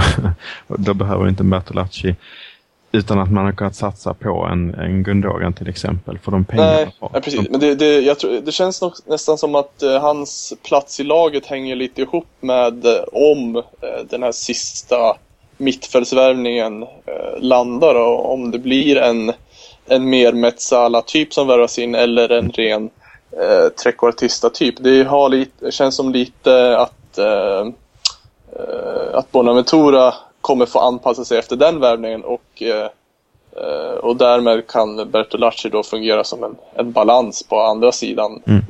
Eh, så ja, det hänger ihop på, på, ett, eh, på ett vis.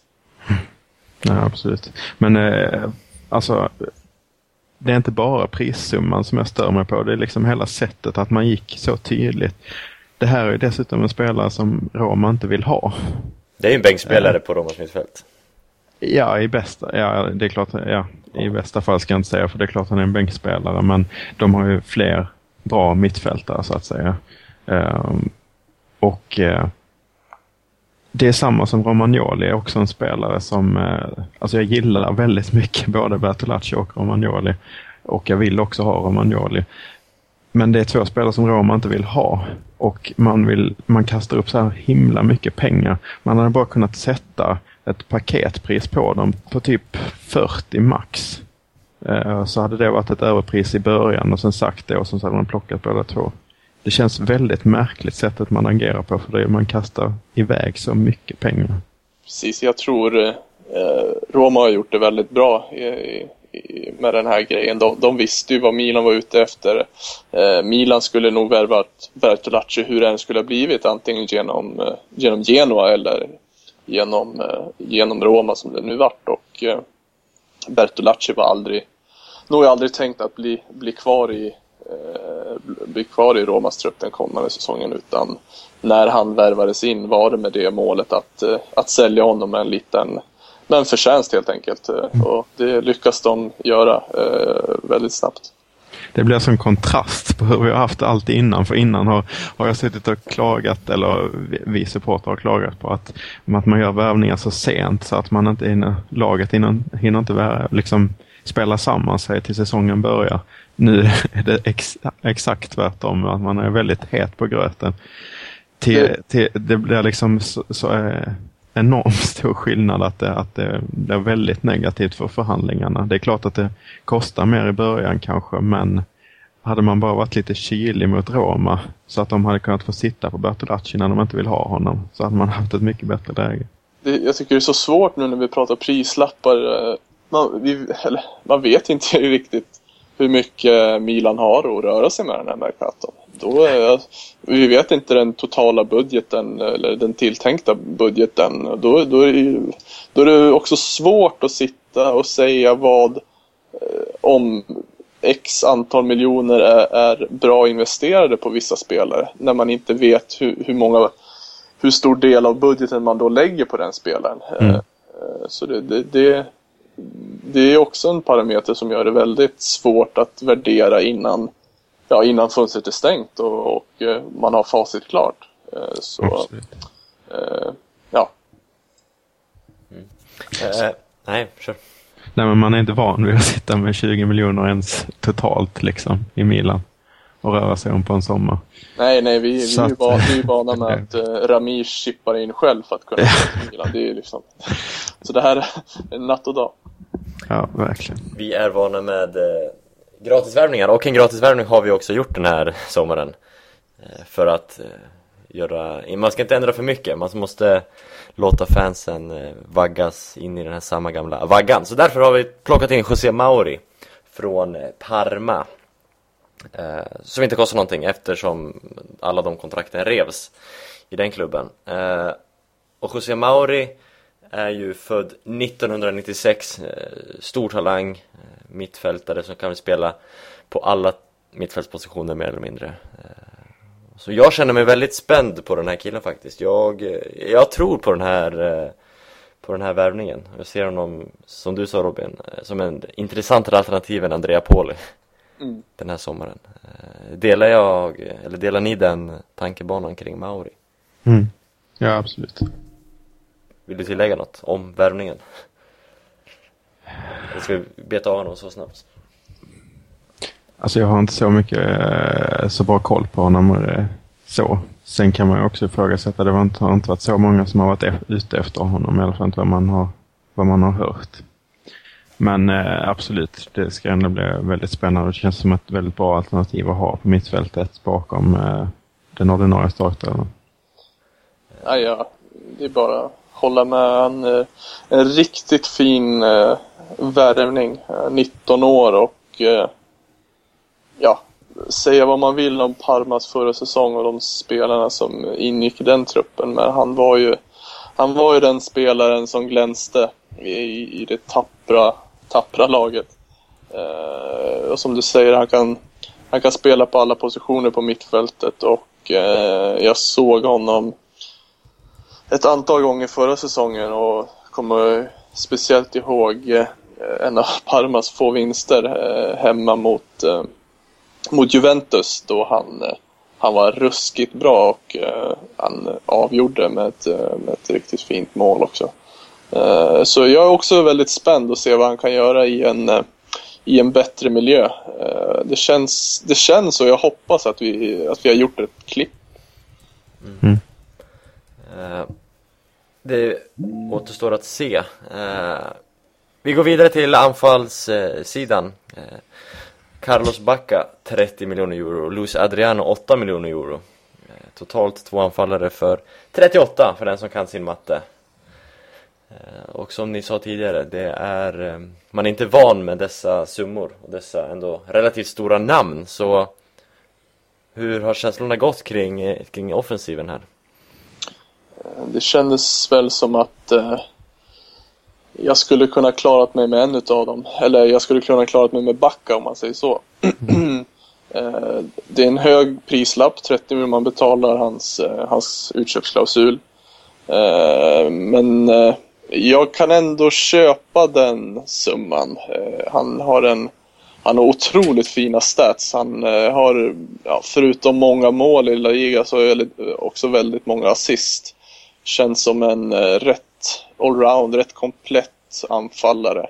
Som eh, både, eh, som, som det är lätt att spela med. Både, eh, både för mittfältet och för, och för en anfallspartner. Så eh, prislappen visst, men eh, man får nog man får nog köpa den. Jag vet, det var inte jättestor konkurrens men det är också en effekt av fadäsen med Jackson Martinez att eh, Milan vart väldigt snabbt desperata där. Och eh, ja, eh, om vi bara tar eh, Luis Adriano snabbt vad jag tycker så eh, jag förstår inte riktigt vad man vad man gör där. Man betalar 8 miljoner euro för en spelare som eh, ja, vars kontrakt går ut om sex månader. Eh, känns som han tar upp eh, yta och speltid för en, eh, för en Niang som eh, borde få en rejäl jäkla chans. Eh, känns som att eh, om vi nu ponerar en eh, Ibrahimovic i den här anfallsbesättningen också så blir det rätt snabbt eh, väldigt eh, väldigt eh, överfullt och det, det, det, det, det kommer ju det är ju ett antal spelare som kommer få kriga om, om att vara första inhoppare om man säger så. Nej, jag håller helt med. Jag störde mig till en början på Backas prislapp men nu har jag börjat att äh, acceptera den och tycker att det är en äh, det, det har varit en bra värvning från början men äh, prislappen är helt okej okay, tycker jag ändå. Äh, för att man äh, måste ändå sätta det i perspektiv till, äh, till också till hur det ser ut på äh, marknaden generellt. Det finns inte många äh, stjärnanfallare tillgängliga eller stjärnanfallare med stora, bra anfallare helt enkelt. Du, Nej, man, har ju, man har ju sett också nu att det inte bara Milans värvningar, men det är, det är många värvningar nu där, där egentligen eh, en utköpsklausul, eh, det, det är liksom, det är det priset som gäller nästan. Det, det är inte så många det är inte så många rabatter eller Galliani-rabatter nu längre. Ja. Nej, precis. Visst, Sterling är en sak, men det är ju inte bara det har inte bara varit på, på engelska, brittiska öarna utan det har varit lite överallt. Eh, så nej, den, den eh, värvningen känns väldigt spännande. Eh, och sen håller jag också med om, om Adriano att ett halvår kvar på kontraktet har pungat ut med de siffrorna. Och återigen så tidigt i transferfönstret förstår jag inte. Ehm, ja, apropå Backa också. Jag tror vi värvar honom i hans, i hans peak i karriären. Han är 28 år. Det är, det är nu eh, någon säsong plus eller minus. Det är nu han peakar. Så det är eh, verkligen rätt tid att värva Backa nu om man säger så. Mm. Ja, det är, sen är det ingen garanti att han klarar sig i, i um, Italien. Det, är så väldigt många eh, uh, sådana Han står rätt, verkar han göra på många av målen. Eh, eller alla av målen känns det som. Men um, Ja, det ska bli spännande att se honom, hur han funkar i Italien. Du uttryckte tidigare innan vi började spela in en, uppskattning gentemot Backa. Eh, Vill du ta det även här? Och vad hade jag så? Eh, Du sa att han såg, eh, att han såg väldigt sympatisk ut. Ah, oerhört sympatisk. Bara, alltså i ansiktet ser han väldigt sympatisk ut måste jag säga. Men eh, hela, hela historien känns ju sympatisk. Jag, jag upplever ju ordet sympatisk som en lite slang för snygg. Ja, okej. Eh, det gör vi här i Västerås i alla fall. Eh, Okej. Och det vet jag inte om jag kan applicera på Backa faktiskt. Men, eh, Nej, nej men eh, det, sympatisk i sitt, eh, ja, sin rätta bemärkelse, då, då, ja men det är han ju. Helt klart. Eh, Och apropå sympatisk så ska vi prata om spelare bort från klubben också, för några har ju lämnat. Och jag tänkte börja med den mest sympatiska av dem alla. Ni vet förstås vem vi talar om. Eh, och det är ju faktiskt lite av en sorgens avsnitt det här. Det sista hundra, hundrade avsnittet kanske kan vara så här, way, hundra, vi har nått tresiffrigt, vi firar. Men icke, för innan vi började spela in de här två delarna så stod det ju klart. Suley, Ali, Montari lämnat, har lämnat Milan. Eh, Och det är ju med sorg i rösten man, man säger det. Mm. Eh, Hur kommer vi kunna ersätta honom, den här fantastiska fotbollsspelare och människa? det är precis som, som de andra stora som, som har gått. Eh, Inzaghi fick ett tradigt avsked nu också men eh, Montari slutar också på en i moll så att säga. Mm. Spelar inte i slutsidan.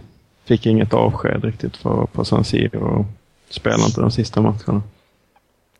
Nej, det, det är tråkigt när det sker för sådana stora, stora fotbollsspelare ändå. Som har gjort så mycket för klubben. Verkligen. Mål mot Barcelona, spökmålet, Mm. röda kort, några till mål. Eh, ja, ja det, det, man kommer vara, han kommer vara saknad. Verkligen. Verkligen. Eller hur Robin? Mm. har, ni, har ni pratat klart nu? Ja, men nu när de väl ska köra med Goal Line Technology inför nästa säsong så är, är inte Montari kvar. Det är nu Det han skulle komma, dålig timing. det är nu han skulle komma till sin ultimata användning. Ja.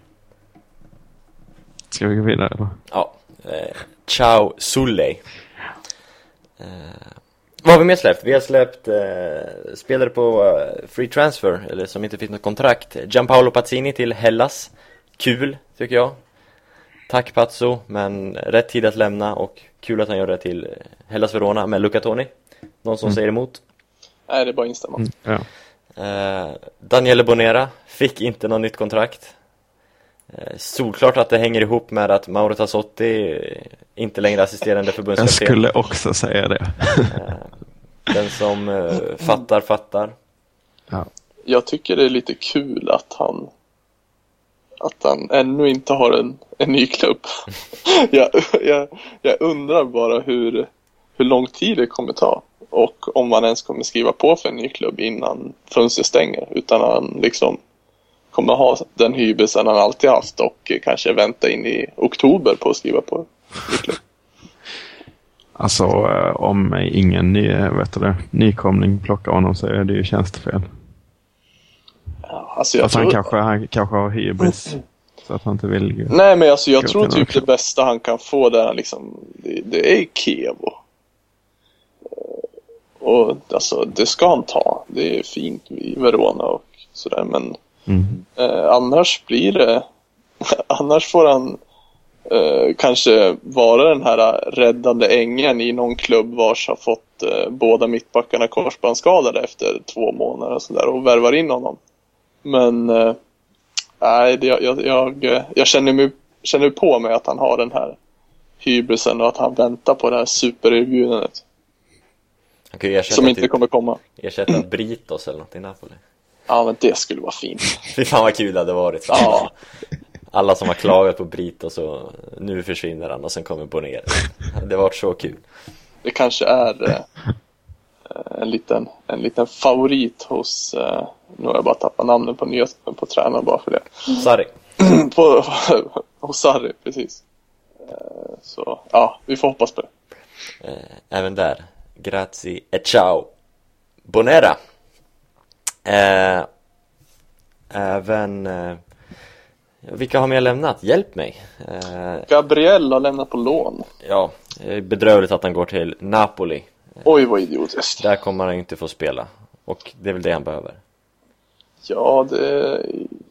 Jag twittrade om det här om dagen. Eh, Det måste skötas bättre eh, av Milan. Milan måste styra mer där vart, vart han ska spela. För det ligger ju i, eh, i högsta grad i, i klubbens eget intresse. Eh, eh, ja, antal matchminuter han kommer få den här kommande säsongen. Det kändes så klockrent att fortsätta med Karp i, i Serie A eh, den här säsongen. Men eh, ja, nu blir, det, nu blir det att nöta bänk bakom Pepe Reina i Napoli och eh, ja, det verkar ju vara Gabriels val själv så eh, jag, jag ställer mig jättefrågande till den till den eh, affären. Det, det skulle väl bara fattas att det skulle inkluderas en utköpsklausul så det var väl tur det då. Det är oerhört märkligt.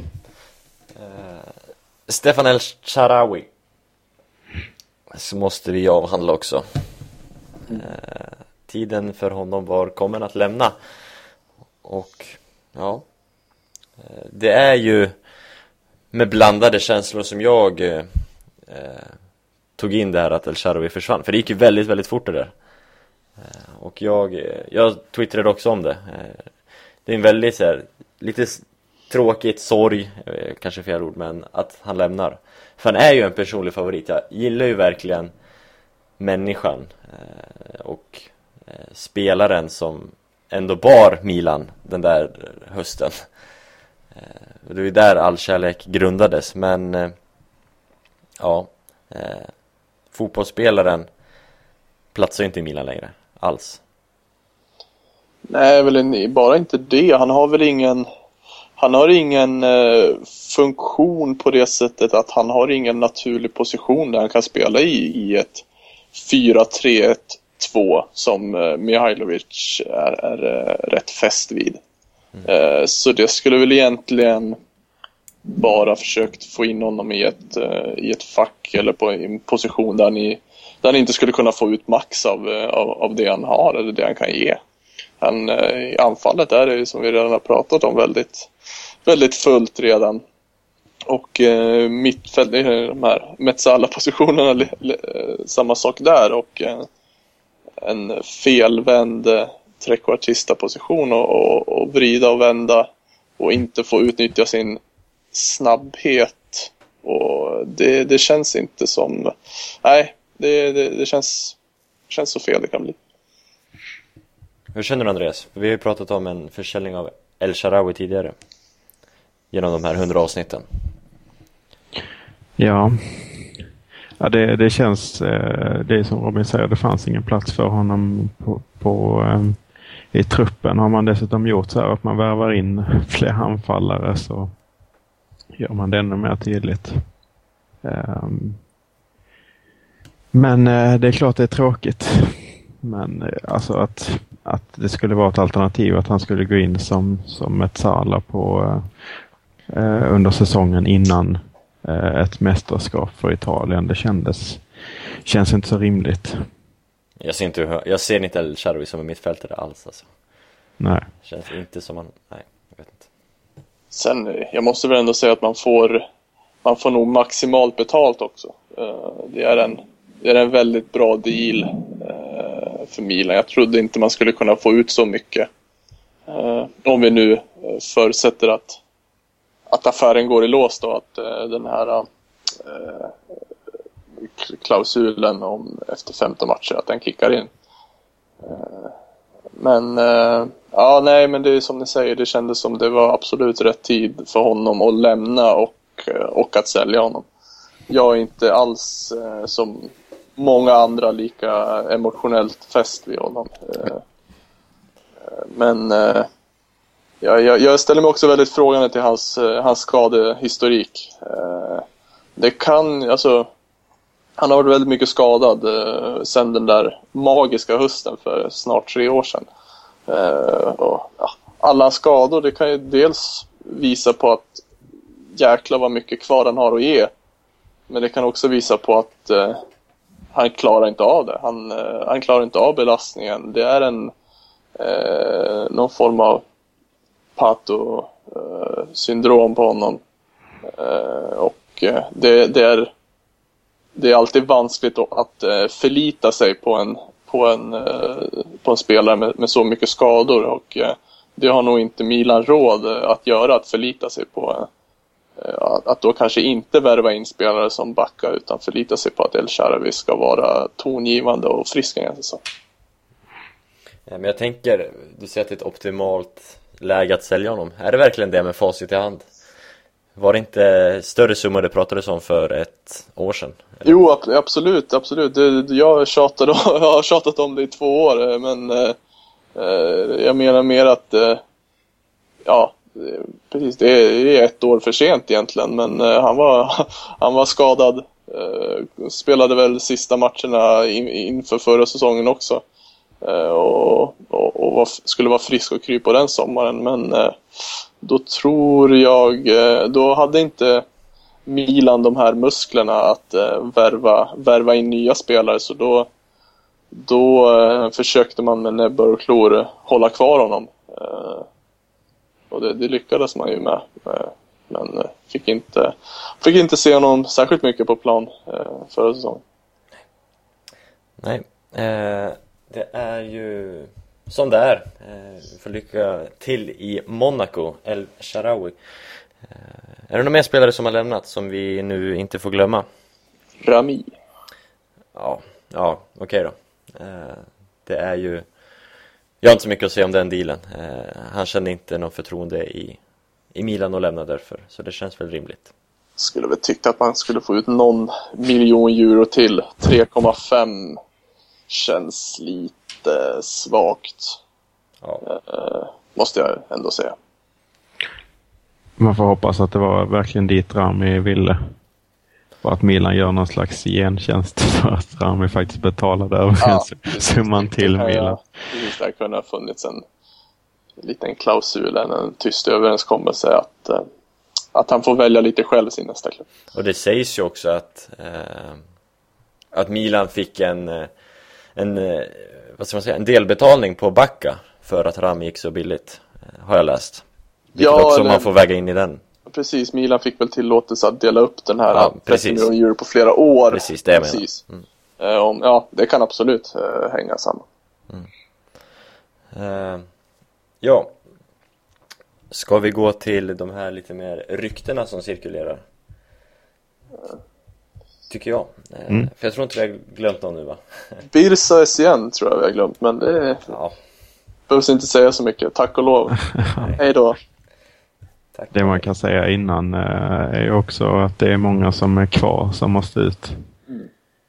Ehm, Det kanske löser sig eh, med, med dem men det är fortfarande det är många som man inte tänker på kanske man inte ser träningar så ser man inte att Nocerino eller tänker på Nocerino kanske att han är tillbaks eller att Matri är tillbaks eller sådär så att de måste ju bort. Ja, Ja, men vi börjar i den ändan då innan vi pratar potentiella köp, potentiella försäljningar. Eh, Nocerino och Matic slänger upp. Ja, alltså det, jag kan göra listan lång. Det är Agazzi, det är, är Saccardo kan ju inte vara kvar.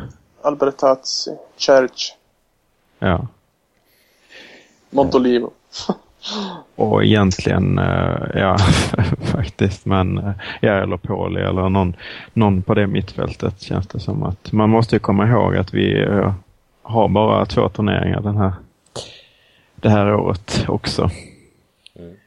Så att det blir ju inte många matcher och man måste ändå se vikten av att, ja, av att hålla spelarna glada och på humör även när det inte går, går på topp. Ja, Saccardo verkar ju vara ständigt glad. Eh, han är ju han är ju den Ja, han- Milanello-syndromet eh, personifierad. Han, han älskar att träna verkligen. Han Ja. hatar att spela match för då är han värdelös. Men han älskar att glida in. Jag tänkte inte just på honom när jag menade på humöret i, i truppen. Men jag vet inte riktigt vem man ska prioritera i det här läget. Um, har Honda en given, given plats? Kan man hämta pengar av honom eller ska han äntligen få chans på eh, som en trekvartist? Alltså det känns... Eh, det känns ju dumt att kasta iväg honom innan man vet vad som kommer in. Så känner jag, precis som du säger, att eh, nu ligger den här optimala positionen för honom. Den ligger ju eh, den ligger öppen. Eh, och eh, självklart så kommer han få chansen där om det inte kommer in en given startspelare i den positionen. Så skulle vilja sätta hans exit på, på standby. Mm. Ja, jag tycker det är jättedumt att vi skulle slänga bort Honda nu innan vi har testat honom på hans rätta position ändå. Jo, absolut. Jag är ju den första att försvara Honda i alla lägen. Så att, eh, men det, vi har många spelare. Då känns det som en S är, är en spelare som ska ut alltså. Absolut. Ja. Det är för trångt där uppe. Han får icke plats. Nej, och det är också en sån spelare som kräver Ja, han, Ja. Kräver, han kräver sin eh, uppmärksamhet på planen om man säger så. Han, han, ska, han kräver boll och han kräver att mycket ska kretsa genom honom och eh, det är eh, nog inte Mihailovic melodi tror jag. Nej, och han nöjer sig inte heller med att Sacardo lunka på Milanello heller.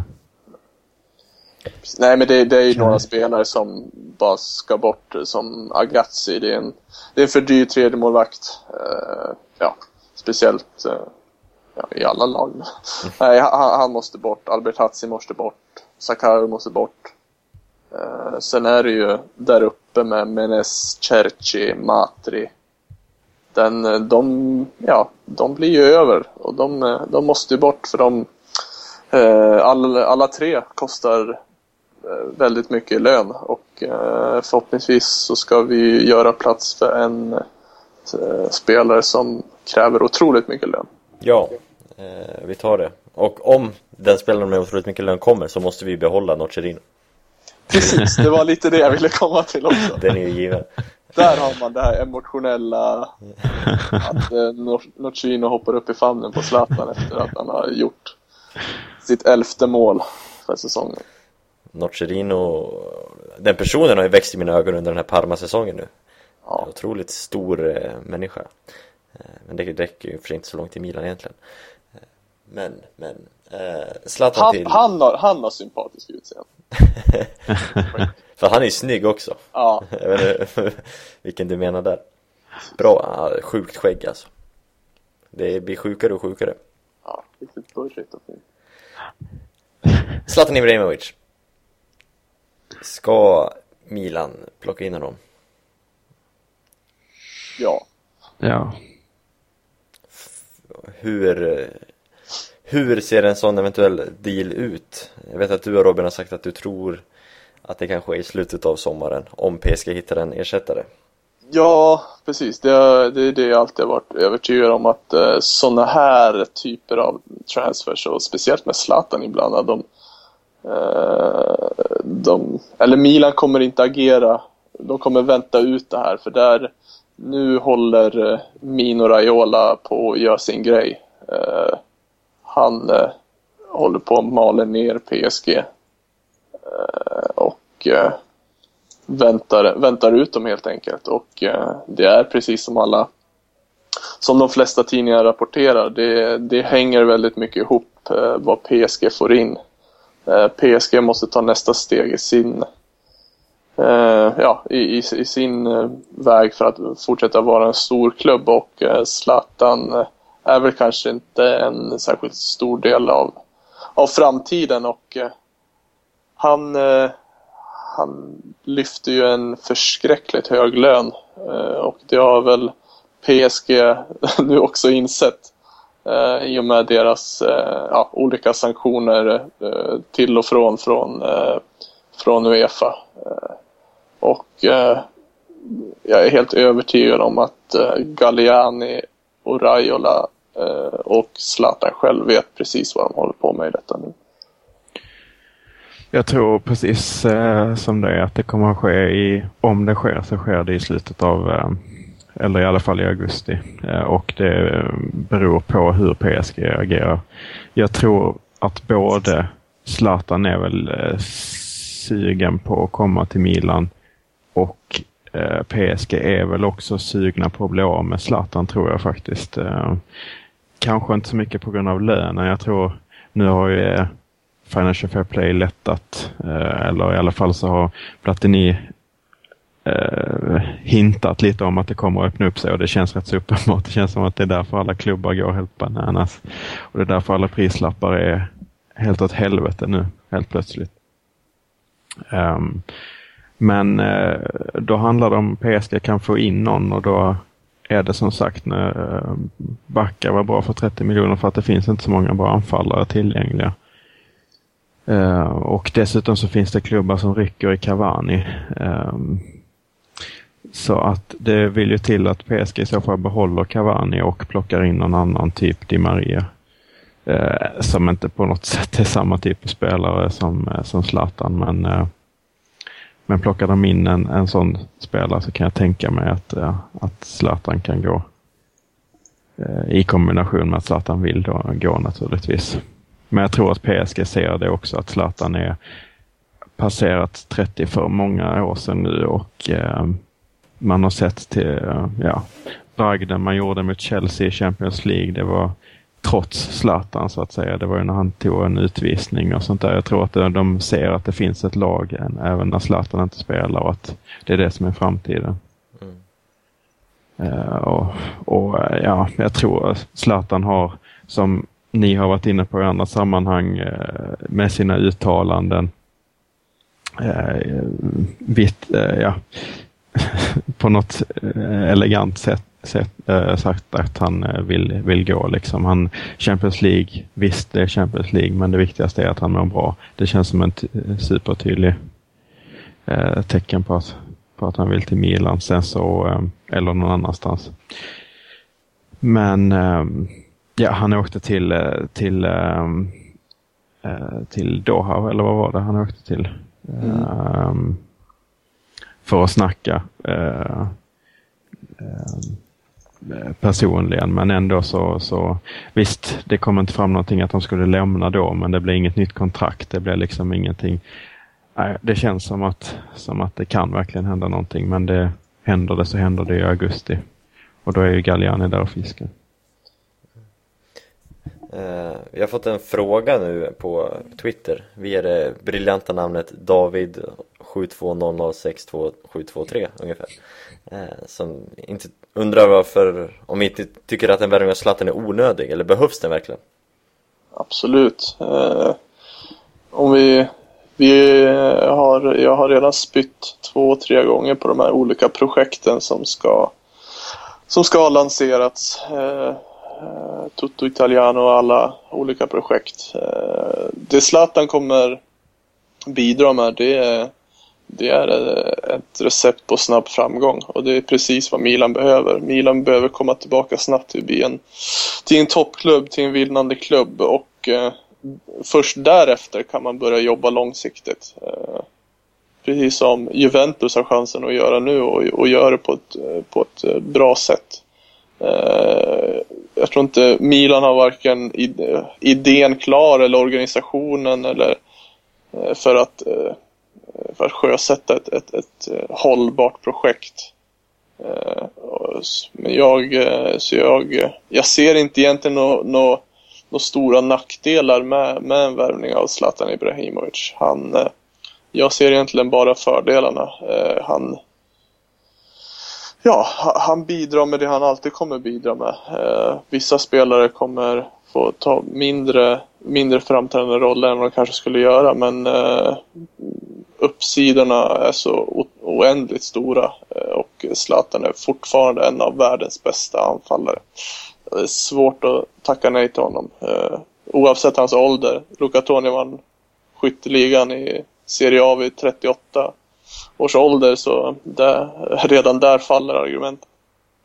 Alltså det är det är som Gusten eh, sa också i vår del 1. Eh, då, det är ju Zlatan som gör att han, han skulle börja skaka som, eh, som Roma-supporter. Det hade inte varit eh, Jackson Martinez. Nu övar vi ju eh, backa istället men det, det går ju verkligen att, att säga samma sak. Han har ju den statusen i Italien och han är ju den spelare han är. Det känns som att kommer han till Milan så kommer vi inte hamna utanför topp, jag vågar inte säga topp tre, topp fyra då. Det känns helt otänkbart. Nej, nej, alltså Zlatan blir den största stjärnan i hela ligan. Oavsett Paul Pogba, eh, nu har TVs lämnat men eh, ja, de får faktiskt flytta på sig. Zlatan Ibrahimovic är en, är en större spelare och har ohyggligt hög status i, i Italien och alltid haft. Han är extremt respekterad. Ja, eh, vi tar klivet ner på mittfältet och ställer samma fråga där som David via Twitter ställde. Eh, Axel Witzell, behövs han? Jag eh, har inte sett särskilt mycket av, av hans framfart i Zenit. Jag har aldrig heller blivit särskilt imponerad av honom. Eh, så de pris, den prislapp och de summorna som nämns i sammanhanget för mig känns de rätt obefogade. Eh, jag har ju som sagt inte imponerats av honom så ja, jag ser helst att, eh, att ett annat alternativ väljs. Eh, det känns inte klockrent på något vis. Har du sett mycket av belgaren Andreas? En gång i tiden såg jag ganska mycket av, eller relativt, men jag har sett en, i alla fall ett eh, tiotal matcher. Eh, men eh, det känns inte som att det är mittfältet som behöver förstärkas längre. Det känns verkligen inte som det är anfallet heller, men, men eh, Zlatan är, är speciell. Han har licens att döda så att säga. För att citera Galliani. Men eh, annars så känns det som att vi ska rikta alla våra resurser längre bak. Så att eh, jag hade kunnat, jag hade gärna sett eh, Witzel i Milan men det hade varit innan man värvade Bertolacci. Mm. Hade man varit lite mer, eh, lite mer kylig i den affären så hade man kunnat spela ut Bertolacci mot Witzel eller Gundogan som jag sa eller andra typer. Det är en, det är en väldigt, väldigt bra spelartyp att ha eh, som Milan verkligen kan eh, behöva. Men eh, vi behöver inte fler nu. Nej, nej, nej jag, jag håller med om det. Helt klart. Ja, då tar vi väl mittbacksdiskussionen för det är det tydligaste och eh, konkretaste Milan jobbar med just nu. Galena har ju sagt det också, att det är en mittback de vill ha. Eh, och Sinisa Mihailovic vill ha den här vänsterfotade mittbacken. Eh, och du som eh, spelar själv aktivt Robin, varför är det så viktigt att ha en vänsterfot där? Vet du det?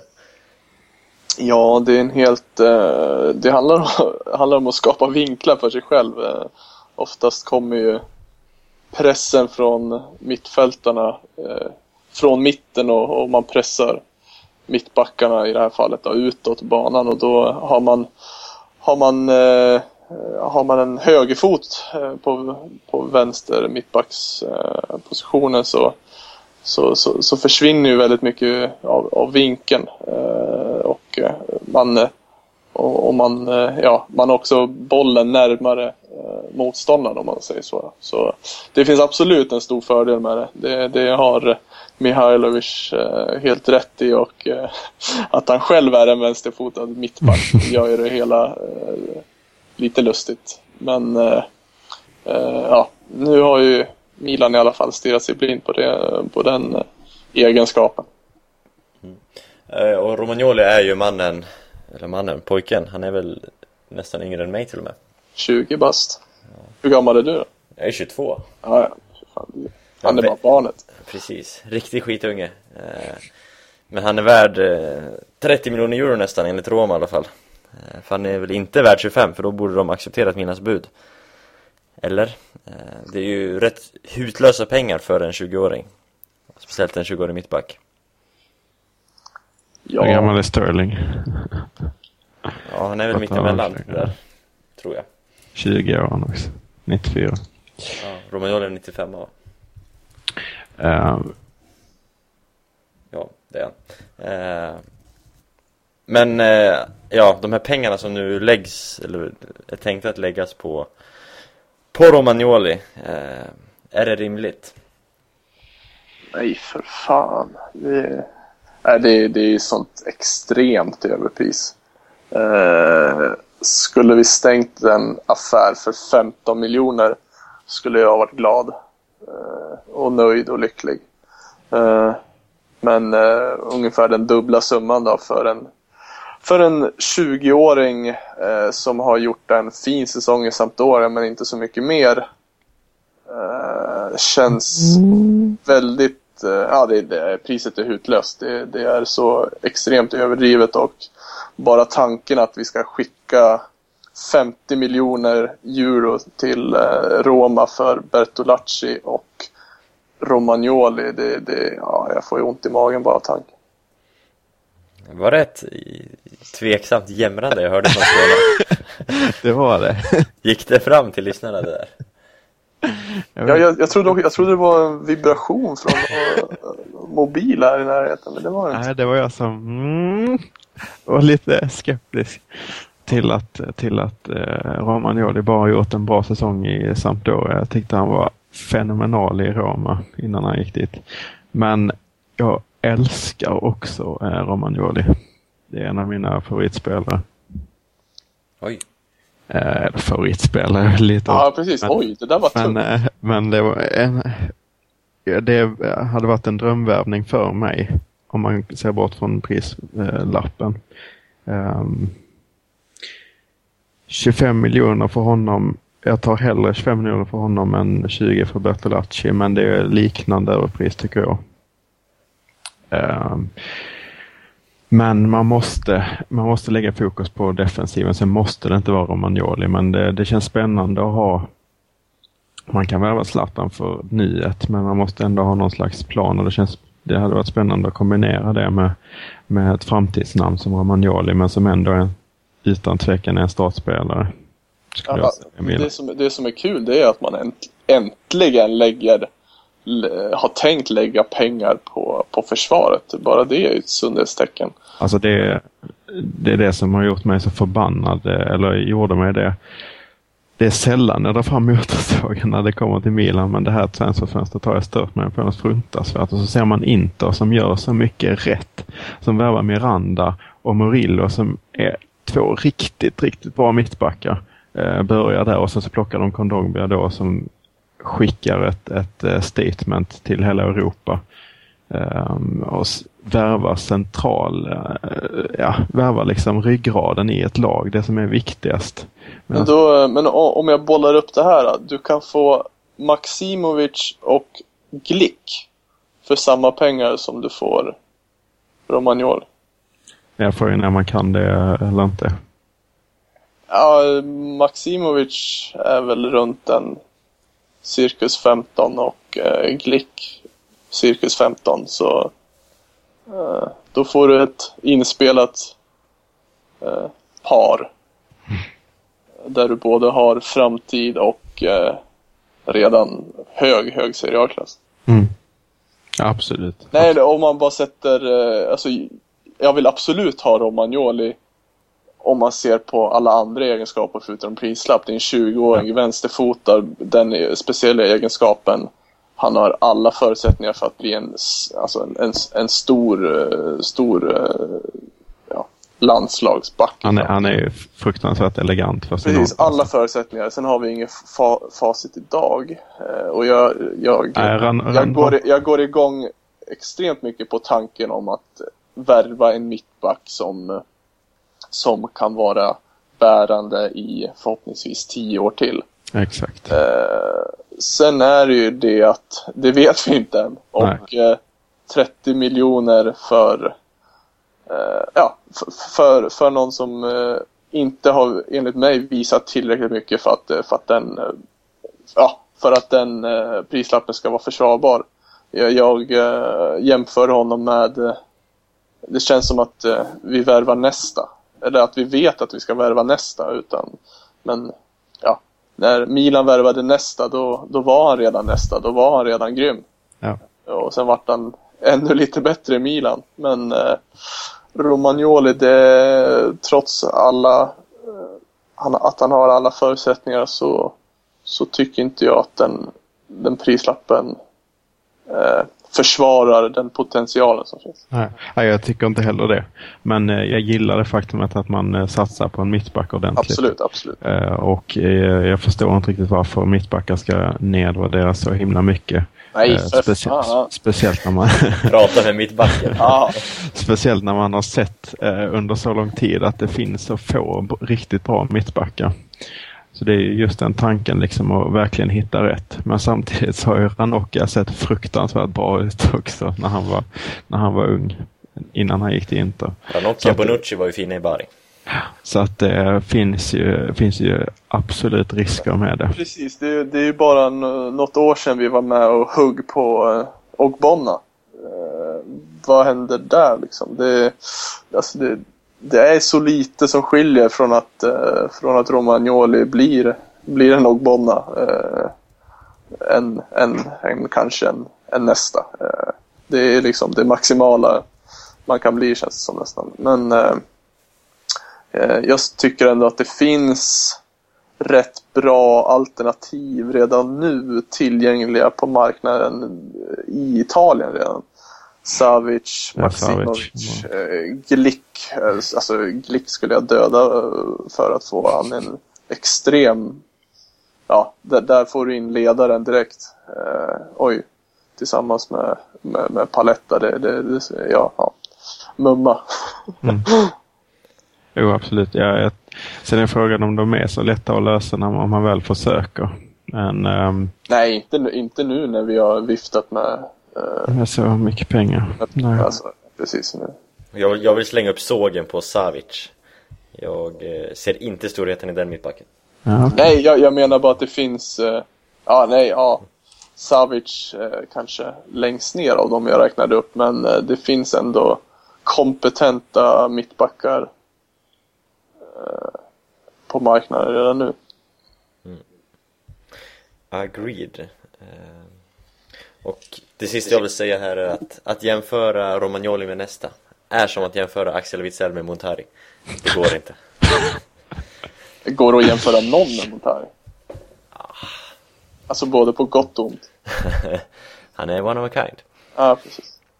Eh, det här snacket... Alltså det, det som, när man snackar om det här så stör jag mig så fruktansvärt mycket på att man kan sälja Thiago Silva för bara 42 miljoner.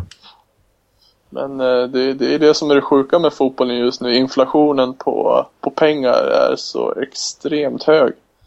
Men också att eh, försvarsspelare är så underskattade i, i priser för att eh, jag tyckte det var fruktansvärt lågt redan då. Ja, det, det håller jag helt med om. Det skulle lätt kunna varit 60. Ja. Ja, hade vi kunnat eh, istället för, för Bertolacci och Bacca haft Thiago Silva så hade jag varit nöjd. Ja men alltså, Thiago, Thiago. Silva säljs för 40 miljoner som eh, av de flesta ansedd som världens bästa mittback. Två Mm. säsonger senare så värvar PSG David Luiz för 50. Ja. Okej då. Så eh, det, det, det är där inflationen är. Den Ja, i, sa, i samma säsong så värvar man ju Lukas för typ 47 eller vad ja, Så ja, ja. jag tyckte det var en fruktansvärt dålig försäljning att man var så vek. Ja. Det är ett gammalt avsnitt. Jag ska Mm. inte prata om det förflutna nu. Eh, Faktum är att vi inte ska prata så mycket mer alls. Eh, För eh, det här snacket som vi var tänkt väl på något vis att de här delarna skulle vara cirkus 20-25, max 30 minuter. Har nu blivit över en timme. Men det blir så, det är svårt att eh, diskutera Mercaton snabbt. Det blir så hafsigt på något vis. Så ja, den här Mercato-delen får bli så här lång och det är också den Mercato-delen som är den mest efterfrågade av lyssnarna som jag har förstått det. Så eh, det är ju bara kul att kunna bjuda på det, tycker jag. Eh, så ja, Robin, tack för den här timmen. Ja, precis. Tack, tack själva. Jag vill flika in att eh, ja, ge min uppskattning till er två. För, för den här podden som jag tycker är högkvalitativ och jag har glädjen att få vara med eh, rätt ofta.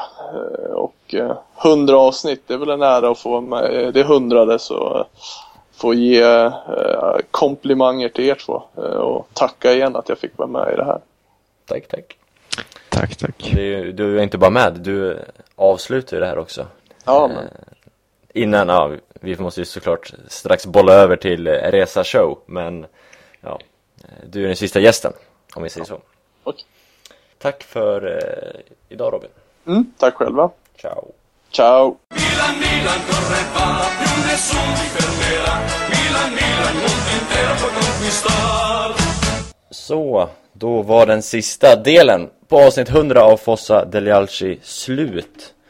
Eh, Vi får skicka ett stort tack till alla gäster under de här två, två delarna. Tack Robin, tack Jonas, tack eh, Sia, tack Gusten, tack Gustav och tack Malena för att ni ville vara med och eh, bidra till det här avsnitt nummer 100. Eh, Framtiden Andreas, Mm. vad händer med Fossa Delialci just nu? Ja, det är nog många som undrar. Och vi har väl inte något definitivt svar, men vi vill ju tuffa på. Eh, Det som är klart kan man väl säga att det kommer inte bli varje vecka. Vi Nej, har inte riktigt ehm, och upplägget kommer inte bli riktigt på samma sätt att det kommer bli liksom analysera varje match och sånt där. Det känns, eh, det känns som att vi vill hitta något, eh, något nytt och ta och snacka. Ha det lite som en ventil, snacka när vi behöver snacka av oss. Vi har väl diskuterat om vi skulle ha det en gång i månaden men det blir lite oklart. Så vi är, sitter ju det är lite oklart. Vi har inget riktigt besked, men vi kommer fortsätta i någon slags frekvens. Fossa Delialci kommer finnas kvar. Eh, Fossa Delialci kommer, som Andreas sa, inte komma ut en gång i veckan och det har vi inte gjort det senaste halvåret heller direkt. Eh, så eh, utan att lova någonting eh, när vi kommer komma ut och hur ofta vi kommer komma ut med podden eh, så kan vi säga att det kommer komma fler poddar. Eh, vi är inte nöjda med avsnitt 100 än. Eh, eftersom vi tycker det här är så pass kul när vi ändå har någonting att prata om. Precis, vi vill ju, syftet med det här, vi, vi vill ju snacka när vi har grejer att snacka om. Och tankar som vi vill ventilera och få ut. Så att det känns ju som att kvaliteten kommer att bli högre när frekvensen blir lägre. Och det ger oss också en, dels en chans att prata med varandra. Eh, Vi har ju, pratar ju inte jättemycket utöver podden, helt, helt ärligt faktiskt. Nej, det är ju det och våra resor i princip. Ja, det är det. Eh, Och vi får också chansen att prata med eh, härliga gäster, så som Reza Mohammadi. Den glada, glada bollen. Eller vad jag kallar det i början. Okej, det... Glädjebollen. Det lät, Glädjebollen. lät lite snuskigt. Men, Snuskigt? ja, Snuskigt med en boll? Men det är alltså det, det, Vi har så roligt ändå när vi spelar in och som sagt när vi har någonting att prata om Eh, Det är mycket, mycket garv eh, som inte spelas in heller utan mellan tagningarna så att säga Så det ger ju oss, oss glädje och förhoppningsvis även ni, er som lyssnar eh, Någonting härligt att lyssna på vi har ju fått väldigt fin respons också så att det hade ju varit tråkigt att, att stänga ner Det tycker jag också på det. Eh, Så, ja, med den luddiga förklaringen av vår framtid eh, så, så blir väl det något form av avslut på det här hundrade avsnittet. Yes! Yes! Ska vi, ska vi gå ut på ett eh, hipp hipp, Hurra! hipp hipp, Hurra! hipp hipp, Hurra! hurra, hurra! Ja, det var ju extremt otajmat. Det är därför vi kan klippa det här. Nej, men eh, ja, eh, vi har, Onfax Perifax, vi har haft veckans ost. Reza Mohammadi, du är ju den enda gästen som även har en egen programpunkt i den här podden. Har du någon veckans senap på gång? Veckans senap. Men nu när vi ändå pratar om framtiden. Så skulle jag faktiskt vilja föreslå veckans senap. Alltså, det måste nog ändå vara en klassisk Johnnys. Eh, En sådär lite, mer, lite sötare än den vanliga senaps, den vardagliga senapen du brukar äta. Den här sötman, det kanske är sötman man känner inför en säsong där vi kanske kan komma tillbaks till där vi borde vara. Det känns som att eh, det känns faktiskt rätt så bra inför den här nya säsongen. Så vi går ju in med lite sötma så att säga in i den här nya säsongen. Förhoppningsvis så kommer vi ta oss tillbaka till toppen. Kanske inte den här säsongen men det här kan vara början på uppgången så att säga. Och eh, det ser ju lovande ut hittills. Mercaton har ju börjat jättebra. Så eh, det är väl det vi kör på då alltså. Det blir Johnnys. Fin flört till min hemstad Eslöv. Där man trycker ut Johnnys senap och inte bara Johnnys senap, även Hultbergs senap. Om, eh, det kanske man inte känner till per namnet, men eh, bildgoogla den så känner du säkert igen förpackningen. Resa känner definitivt igen den. Ja, ja, absolut. Han kan ju sina senapssorter. eh, så med de eh, poetiska liknelserna från eh, Resa i Stockholm så får vi tacka er alla för att ni har lyssnat på det här avsnittet och på eh, del 1 av avsnitt 100 och även de 100 tidigare avsnitten. Och har ni inte gjort det så gå tillbaks i historien. Jag lyssnade faktiskt på del 1 eh, lite för eh, häromdagen. Det är ju inte lika kvalitativt, vi är inte lika vana, men det är ändå bra snack. Vi har ju faktiskt utvecklats genom åren, det märks. Ja, du menar första avsnittet alltså? Av, av Fosse Delalci. Ja. ja det, och sen så innan det så hade vi en annan podcast så att eh, det har ju hänt mycket genom åren. Det har det. Eh, så ja, hör av er via eh, våra Twitterkonton. Don Mascarpone, David Faxo och Res1899 heter du fortfarande va? Yes, Med två Z där. precis. Återigen tack till alla gäster som var med. Eh, svinkul att göra det med er alla. Eh, vi hörs på ett eller annat vis i framtiden. Hej då! Adjöken, ciao.